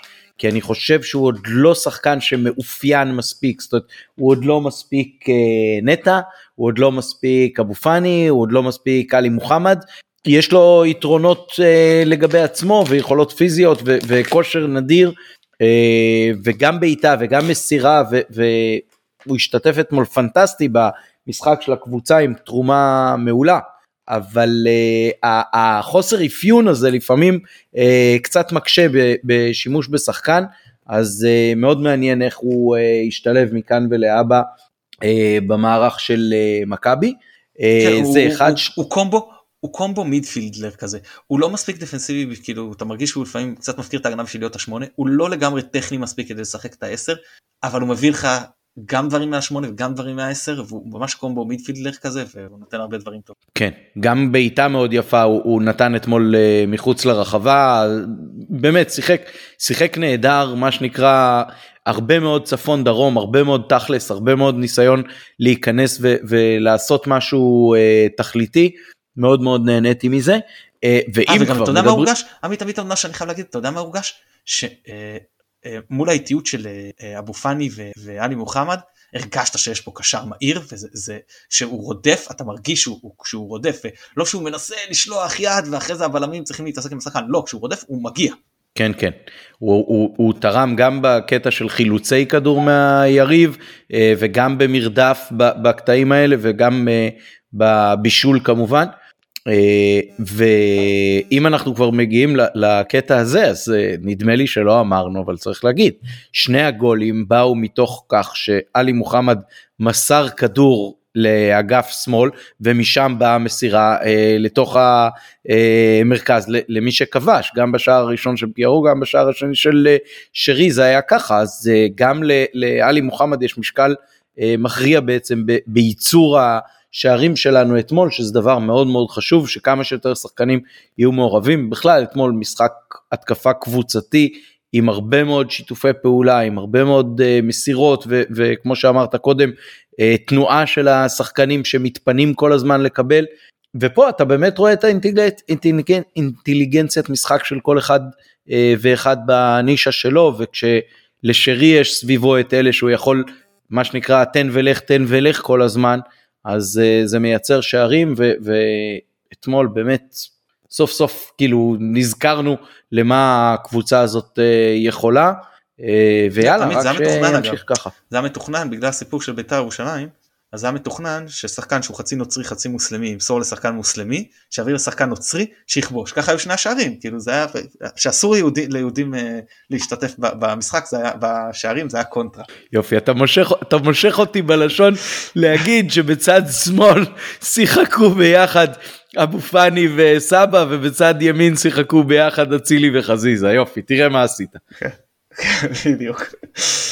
מיקרו-קוסמוס של, של המפה הפוליטית. כן. ממש ממש ככה. Uh, טוב עוד עוד משהו על uh, אתמול? כן כן. Uh, קודם כל אני אגיד ככה שני דברים. ב, ב, ב, אחד במיקרו ואחד במקרו. אז במיקרו יותר המערך שאתמול פשוט התאים ונתן נוקאוט uh, טקטי וכל הכבוד לבכר אבל צריך לקחת בחשבון שזה לא משהו שאתה אומר שיחקתי עכשיו איזשהו 5-3-2 או 4-3-3 כזה שעכשיו אני יכול לרוץ איתו הלאה. זה לא משהו שיכול להתאים לך להרבה מאוד משחקים. בעיקר בעיקר כשאתה אוטוטו נכנס לבית עליון, וזה מערך הרבה פחות רלוונטי בבית עליון. אז זה איזושהי נקודה כאילו בסדר זה עבד הפעם זה טוב זה היה חשוב להשיג את הניצחון הזה אבל אני עוד רוצה לראות אותנו נותנים משחק טוב במערך שאני יודע שאנחנו יכולים להתמיד בו זה אחד. שתיים כמו שלא קטנו את הקבוצה בתקופה פחות טובה לא נעוף אחרי משחק אחד. בכל זאת משחק אחד פה צריך לייצר מומנטום, אני חושב אפילו שהחשיבות של המשחק הזה נגד נתניה זה פחות, כמו שאתה יודע, מכיר אותי ואתה יודע כמה אני מייחס חשיבות לגביע, זה פחות בקטע של החשיבות של הגביע ויותר באיזשהו יצירת מומנטום חיובי. כי הפסד, אני לא חושב שיהיה כזה נורא, אני חושב שאפילו יכול לעזור לנו להתרכז רק בליגה, אבל הוא יכול להחזיר אותנו קצת אחורה בקטע של עד ששיחקנו טוב ועד שיצרנו ניצחון, עכשיו שוב להיכנס לאיזושהי באסה, ואז אתה מגיע עם לחץ לדרבי, אחרי שאתה משחק אחרון, יכול להיות שאתה מגיע לזה עם הפרשים של נקודה ושתיים, אה, משהו שאנחנו אה, רוצים להגיע אליו עם כמה שיותר ביטחון. אני לגמרי שותף לדעתך וכמו שאתה יודע אני גם מחשיב את אה, מפעל הגביע יותר ממך, אבל, אבל אני בהחלט מקבל את זה ש, שהשנה, בטח עם ההישגים באירופה, אז הוא הופך למפעל לא שני אלא שלישי בחשיבותו בעצם, אבל המומנטום פה מאוד חשוב. אה, ובגלל זה אני גם די מסכים עם ההרכב שנתת קודם כששוחחנו עם טל ברמן, אה, הרכב עם הרבה רוטציות, אה, שיכול מה שנקרא להחזיק את הדשא עד דקה ככה 50, 60, 70 אפילו, ואז באמת אם יש צורך אז להעלות את כל התותחים ביחד כדי לוודא ניצחון ולעלות לשלב הבא. אני מאוד מאוד כן, אשמח. כמובן. תחשוב גם על זה שפתאום אתה, סתם אני נותן לך דוגמה, אתה הולך להערכה וההגנה היפה הזאת שמשחקת, צריכה לשחק 120 דקות פתאום על שרי טרי, או על חזיזה טרי. כן, או על פיירו. אה, ודרך אגב, צריך להגיד, אה, עם כל הביקורת על פיירו, אה, לאורך שלבים של העונה, אתמול שער עם טכניקה יפה מאוד, אז יש כאלה שיגידו אולי שהוא היה צריך להכניס את זה בנגיעה הראשונה, אבל בסוף הוא נתן שער עם, עצר ברגל אחת ובעט עם הרגל השנייה בפלש, אז נראה לי שזה היה ממש ממש אה, יפה ושוב כמובן אה, במצבים הנייחים וגם במצבים הלא נייחים תופסים אותו מחזיקים אותו מושכים לו בחולצה אה, צריך לעבוד על טכניקת הנפילה אולי אימוני אחד על אחד עם אצילי יכולים לעזור בעניין הזה. כן, אה? טוב מה אוקיי. נובחים פה וכאלה? מה? נובחים פה וכאלה? נעבור לנביחות כן קדימה אז בוא תנבח. יש ארוכות אתה רוצה אתה ללכת אולי להתחיל? אה, לא אז בוא תנבח ונראה מה ההתייחסויות שלי. אוקיי, אז, אז אני אתחיל עם משהו מאוד מאוד בקטנה, כי בגלל שכבר הגענו, אנחנו יודעים שזה עניין רגיש פה עם העבודה שלך. אה, שוב אתמול, אלימות קצת לא פרופורציונלית, קצת, מאוד לא פרופורציונלית של שוטרים אה, אה, מחוץ לציון. תראו, אני לא יודע מה לפני שראיתי בסרטון, שמעתי עדויות, אבל אני לא אתייחס למה שלא היה. גם, גם, ואני לא אומר שזה מצב, אבל גם אם מדובר על עבריין, לא יכול להיות ששוטר פשוט בא לבן אדם, שלא, באותם רגעים לא מתנגד, לא מהווה לו שום סיכון, אם אתה רוצה תעצור אותו, ופשוט מחליט שהוא בועט בו, מעיף אותו לקרקע, הרי אחרי זה מנס, ממשיך, כשאותו אה, אזרח על הקרקע ממשיך כלפיו באלימות, אגרופים, עניינים, אני לא מצליח להבין את זה, כאילו, אתה איש חוק, מה נסגר? למה לעשות את הדברים האלה? זה פשוט, אתה חושב שבן אדם עבר עבירה? תעצור אותו, ו- ותביא אותו בפני, לפני שופט, ותציג את הראיות, ו- ויש מה, צורה לאיך מערכת אכיפת חוק מת- מתנהלת. אתה לוקח את ה... את, אה, מי אמר פעם אנחנו לא ניתן למשטרה לקחת את החוק לידיים. אבל uh, כן אבל uh, uh, המשטרה היא עדיין לא, לא בית משפט ובטח לא uh, מוציאה לפועל. uh, זהו אז אני חושב שזה היה מראה שאנחנו לא אהבנו לראות כלפינו ו, ואני גם לא אהבתי לראות את זה גם כשזה קורה כלפי קהנים של קבוצות אחרות. אז זה אחד. שתיים אלימות אוהדים נגענו בזה גם בפעם שעברה. זה פשוט נהיה שוב עוד דבר של בלתי נסבל עוד עניין של אלימות. גם עם הארגונים שקובעים קטטות אחד נגד השני ואז אתה שומע שאחד נדקר ואחד נדרס. ו, וגם אוהדת של בית"ר ירושלים שטוענת שהיא חזרה אחרי זה הייתה צריכה לחזור לאצטדיון ואוהדים אה, של מכבי שיצאו מהמגרש נקטו כלפיה גם באלימות פיזית וגם באלימות מילולית. ואני אומר כאילו יצאתי מהמשחק זהו נגמר. מה יש לכם להתעסק עכשיו ב... מה, בשביל מה הסיפור הזה? גם איזה גיבורים אתם? מה אתם באים אתם אה, עשרות אנשים על אה, בודדים אתם כל כך רוצים ללכת מכות, יש מאורגן MMA, תירשמו, תיכנסו לזירה, נראה אתכם גיבורים גדולים, הולכים עכשיו להתמודד מול הלוחמים האלה. אני, זה מאוד מאוד, אני לא אוהב את זה, ואני עוד יותר לא אוהב את זה כשזה אוהדים של הקבוצה שלי עושים את זה. והדבר השלישי שרציתי להתייחס אליו, זה אה, מה שהיה עם אה, אספרי. אז קודם כל אני רוצה להתייחס בגדול, דברים שאמרנו בעבר, אני אמרתי בעבר, אני חושב שהסכמת עם חלקם, חלקם פחות, אבל אני אגיד אותם שוב. אה, אני מאוד לא אוהב שאוהדי מכבי נואמים, מבחינתי זה ברף שלה, אני לא אוהב בכלל קללות, אבל יש רף כזה שאתה אומר שאפילו אם הוא, אם הוא חוקי, הוא רף שהוא כאילו עובר איזשהו קו אדום שאתה ממש לא רוצה לראות אותו באצטדיון. זה הרף עם הגרמנים והנאצים, זה הרף עם הקריאות של ארגוני טרור, זה הרף שמכנים, אה, שאומרים לאבו פאני אה, ומה שהוא עושה עם כבשים לצורך העניין, שגם אם זה שוב מותר דברים בחוק ואתה לא יכול להוכיח שזה בדיוק זה לא, לא צריך להתעסק עם זה. זה באמת צריך להעיף את הדבר הזה זה לא צריך להיות קהל של מכבי צריך להפסיק עם זה. גם גם אם ואני מקבל לחלוטין וגם אני אמרתי את זה בעבר שברוב רובם של המקרים לא זה לא בא ממקום גזעני. ועובדה שאתמול מי שספג הכי הרבה נעמות היה בכלל שועה אז מה זה ברור שזה לא היה גזעני כלפיו. אבל אבל, אבל יש פה עניין של איך הקורבן מקבל את זה והקורבן במקרים של שחקנים שהם צפופי פיגמנטים ובחיים בחיים שלהם ספגו את זה במקומות אחרים ממקום גזעני, הם מבחינתם עוברים פה חוויה של גילוי גזענות. ומה לעשות שפה צריך להתחשב יותר ברגשות הקורבן מאשר ברגשות התוקפן. וגם אם עומדת, אה, אה, עומד פה חופש הביטוי, אין חובה לקחת אותו אל הקצה. אין חובה כזאת. מותר לוותר, זה, זה לא נורא, זה לא פשע להתחשב ולהגיד, למרות שאנחנו לא באים מהמקום הגזעני, יש מי שתופס את זה כקריאה גזענית, בואו נוותר על הדבר הזה בכלל, בסדר? אני לא אומר, אני חס שלא אומר, כן תקראו את זה לשחקנים מרווחי פיגמנטים ואל תקראו את זה לשחקנים צפופי פיגמנטים, לא. אני אומר שמשום שיש אה, אה, אה, שחקנים צפופי פיגמנטים שתופסים את זה כגילוי גזענות, בואו נפסיק את זה לכולם, גם אם אנחנו מרגישים שאיפשהו נפגע לנו חופש הביטוי. זה באמת לא כזה נורא לוותר על הקריאות האלה, שבכלל, בלי קשר לעניין גזעני או לא, אני חושב שהן מאוד uh, מכוערות. אפשר להשאיר אותן, את הקריאות קופים האלה, כשאנחנו מכנים את עצמנו uh, כקופים, רק ב, ב, uh, בקטע הזה של אותך אני אוהב עמוק בלב, הוא הוא הוא, להשאיר את זה שם, אני חושב שזה uh, די ויותר. Uh, גם אגב, איך, איך, מי שרוצה דוגמה לאיך uh, uh, דבר יכול להיות גזעני כן או לא, אז אנחנו אם קוראים לבן אדם הרבה פעמים נגיד צוף פיגמנטים יקראו לו קוף יכול להיות שהוא יתפוס את זה בעניין גזעני וכשהקהל של בית"ר ירושלים קורא לנו אומר לנו כל הקופים אז אני, אני חושב שאנחנו לא תופסים את זה כאיזה אה, משהו גזעני לפחות לא תופס את זה כאיזה אה, קריאה גזענית כלפינו. זה, זה אה, לעניין הזה. עכשיו עכשיו לגבי המקרה הנוכחי אני ש- שאלתי כמה אנשים כולל הבן שלי מהיציע הדרום ואנשים שקראתי עדויות ברשתות החברתיות והשחקנים שהיו ליד והשופט איש לא שמע על הנעמות האלה.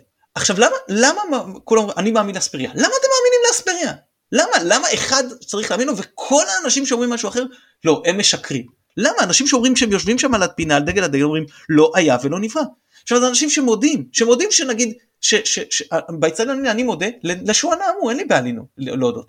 אני לא שמעתי כלום, ואף אחד לא שמע שום נעמות שהיו כלפי אספריה באותו uh, תקרית שהוא אה, אה, זה, אה, מאוד נוח גם שזה תיקו ופתאום הוא נזכר בדבר הזה ואני מקווה מאוד שכשהיה את הנעמות, ל...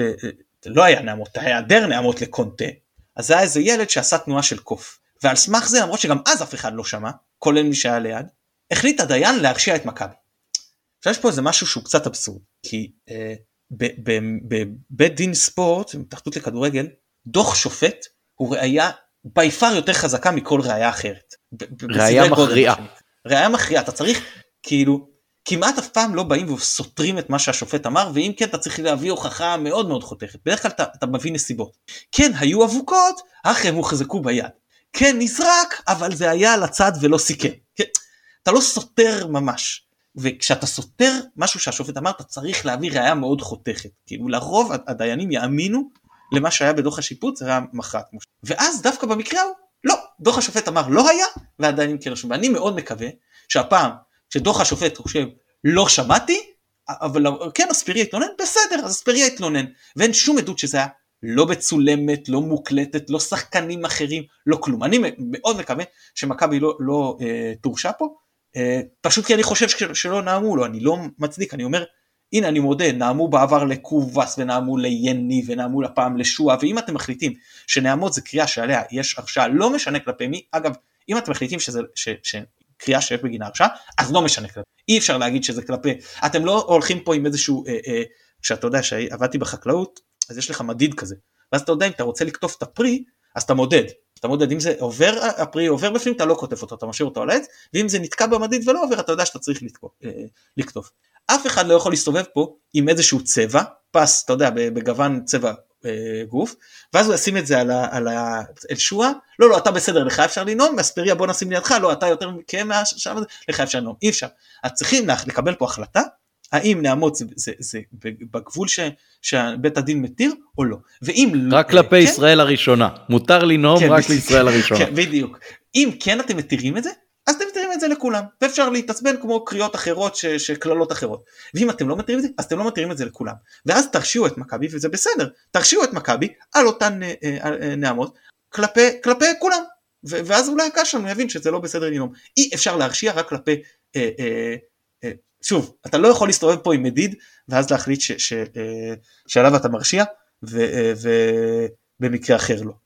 זהו, אז אני לא חושב שהיו נעמות ואני חושב שמה ש, ש, שאספריה עושה פה זה אה, זילות של העניין ואני אפילו חושב שלרוץ ישר ולהאמין לו זה קצת גזענות של ציפיות נמוכות של אה, כן אנחנו ישר מאמינים לזה שהוא אה, תמיד החלש והקורבן כאילו אל תהיו אה, ואתה יודע מה מי מאמין לו? אלה שתמיד מתלוננים על הפרוגרסיבים שתופסים ישר את הצד של החלש.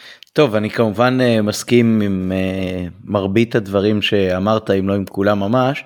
Uh, אני כן בניגוד לעבר יותר ויותר נחשף uh, אולי בעקבות זה שאני גם יותר במשחקי חוץ בעונותיים שלוש האחרונות, אה, לזה שהאוהדים של מכבי באמת נוהמים לכל השחקנים מכל הצבעים מכל הגזעים עם כל החולצות אה, ופשוט לכולם שזה סתם מטומטם ומגעיל בעיניי אה, ואולי מכל ההתנהגויות של הקהל שהתייחסת אליהם שמצערות את שנינו ולא רק את שנינו אז נותר רק להוסיף את העובדה שבטח כשמכבי בפיגור והיריבה מנסה למשוך זמן זה הדבר הכי מטומטם שאפשר לעשות לזרוק חפצים לעבר השחקנים של היריבה שרק מחפשים ממה למשוך זמן. אז כאילו זה היה ביציע הצפוני וזה היה ביציע הדרומי.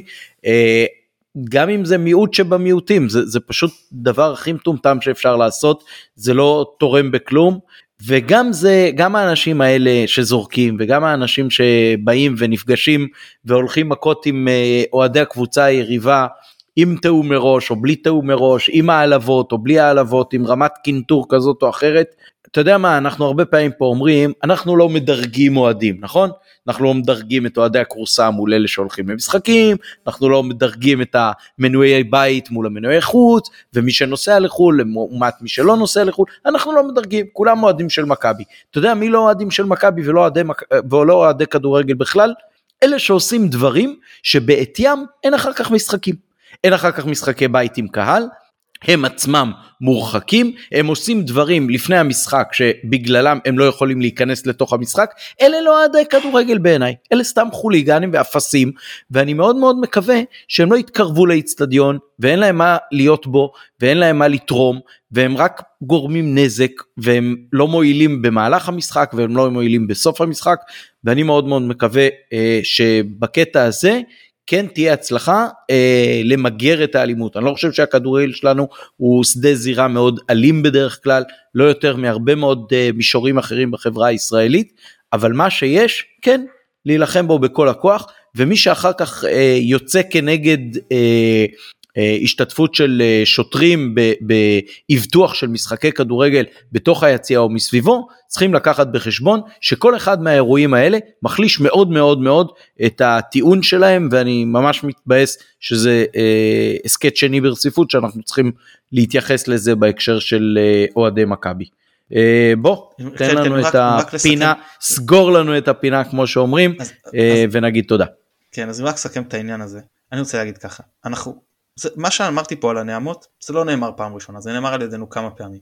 ויש אנשים שפשוט משקרים במצח נחושה ברשתות החברתיות אתם תנחשו לבד אוהדים של איזו קבוצה וכותבים שאנחנו מצדיקים נעמות לשחקנים. זה נכתב ש, שחור על גבי רשת חברתית. מאיפה החוצפה זבו את החותם לכתוב את השקר הבזוי הזה עלינו שאנחנו מצדיקים דבר כזה? כי אנחנו אומרים שזה לא רק גזעני אנחנו מצדיקים את הדבר הזה אנחנו לא מצדיקים ואנחנו אומרים שזה דבר שצריך להיעלם ואנחנו רוצים חוצץ נגד זה גם אם אנחנו אומרים שאוהדי מכבי נואמים לכולם. אז נא להוריד את השקר באמת את הדבר הנוראי הזה מסדר היום. אנחנו לא הצדקנו ולא מצדיקים לא קללות ולא נעמות ולא קריאות להפך אנחנו הראשונים ו- ו- וסופגים על זה גם ברשתות החברתיות ועמית עוד לוקח את זה לקצה ו- וגורם לי להיכנס לטאקלים עם אנשים פה באצטדיונים ובשדות תעופה על הסיפור הזה של, של אה, קריאות אלה ואחרות ב, ב, על ידי אוהדי מכבי. אז אה, אם יש מישהו ש, שהוא הסמן הכי אה, נקרא לזה לא יודע ימני או שמאלי איך אתם רוצים לקרוא לזה ב, ב, ב, ב, בקרב אוהדי מכבי זה אנחנו ובטח ובטח שאנחנו לא מצדיקים דבר כזה זה פשוט פשוט שקר גס מי שכתב את זה צריך להתבייש בעצמו. כן ו- ואנחנו אולי לסגור באמת את, ה- את ההקלטה אם יש מי מבין אה, אה, אנשי מכבי ששומע את ההסכת הזה ורוצה רעיונות איך אה, להשתלב אה, במאבק אמיתי בדברים האלה על כל גווניהם, אז אה, אפשר לפנות אלינו לעצות או להקשיב פשוט לפרקים קודמים שלנו. המון תודה מתן. תודה, אני מודה שהיה לי כיף ממש גם עם טל וגם הפרק הזה, גם בגלל מה שהיה עם מכבי, וגם לא, בכלל היה פרק טוב, כנראה שזה אחר הצהריים ואני לא כל כך עייף, אז יותר קל. כן, כן, יש בזה משהו בהחלט. תודה רבה ליונתן אברהם שנתן לנו את התמיכה הטכנית לאח... לאורך ההקלטה הזו. אה, וזהו, שיש לנו כבר עוד יומיים עוד משחק, כיף גדול, ונתראה לאחריו. ירוק עולה.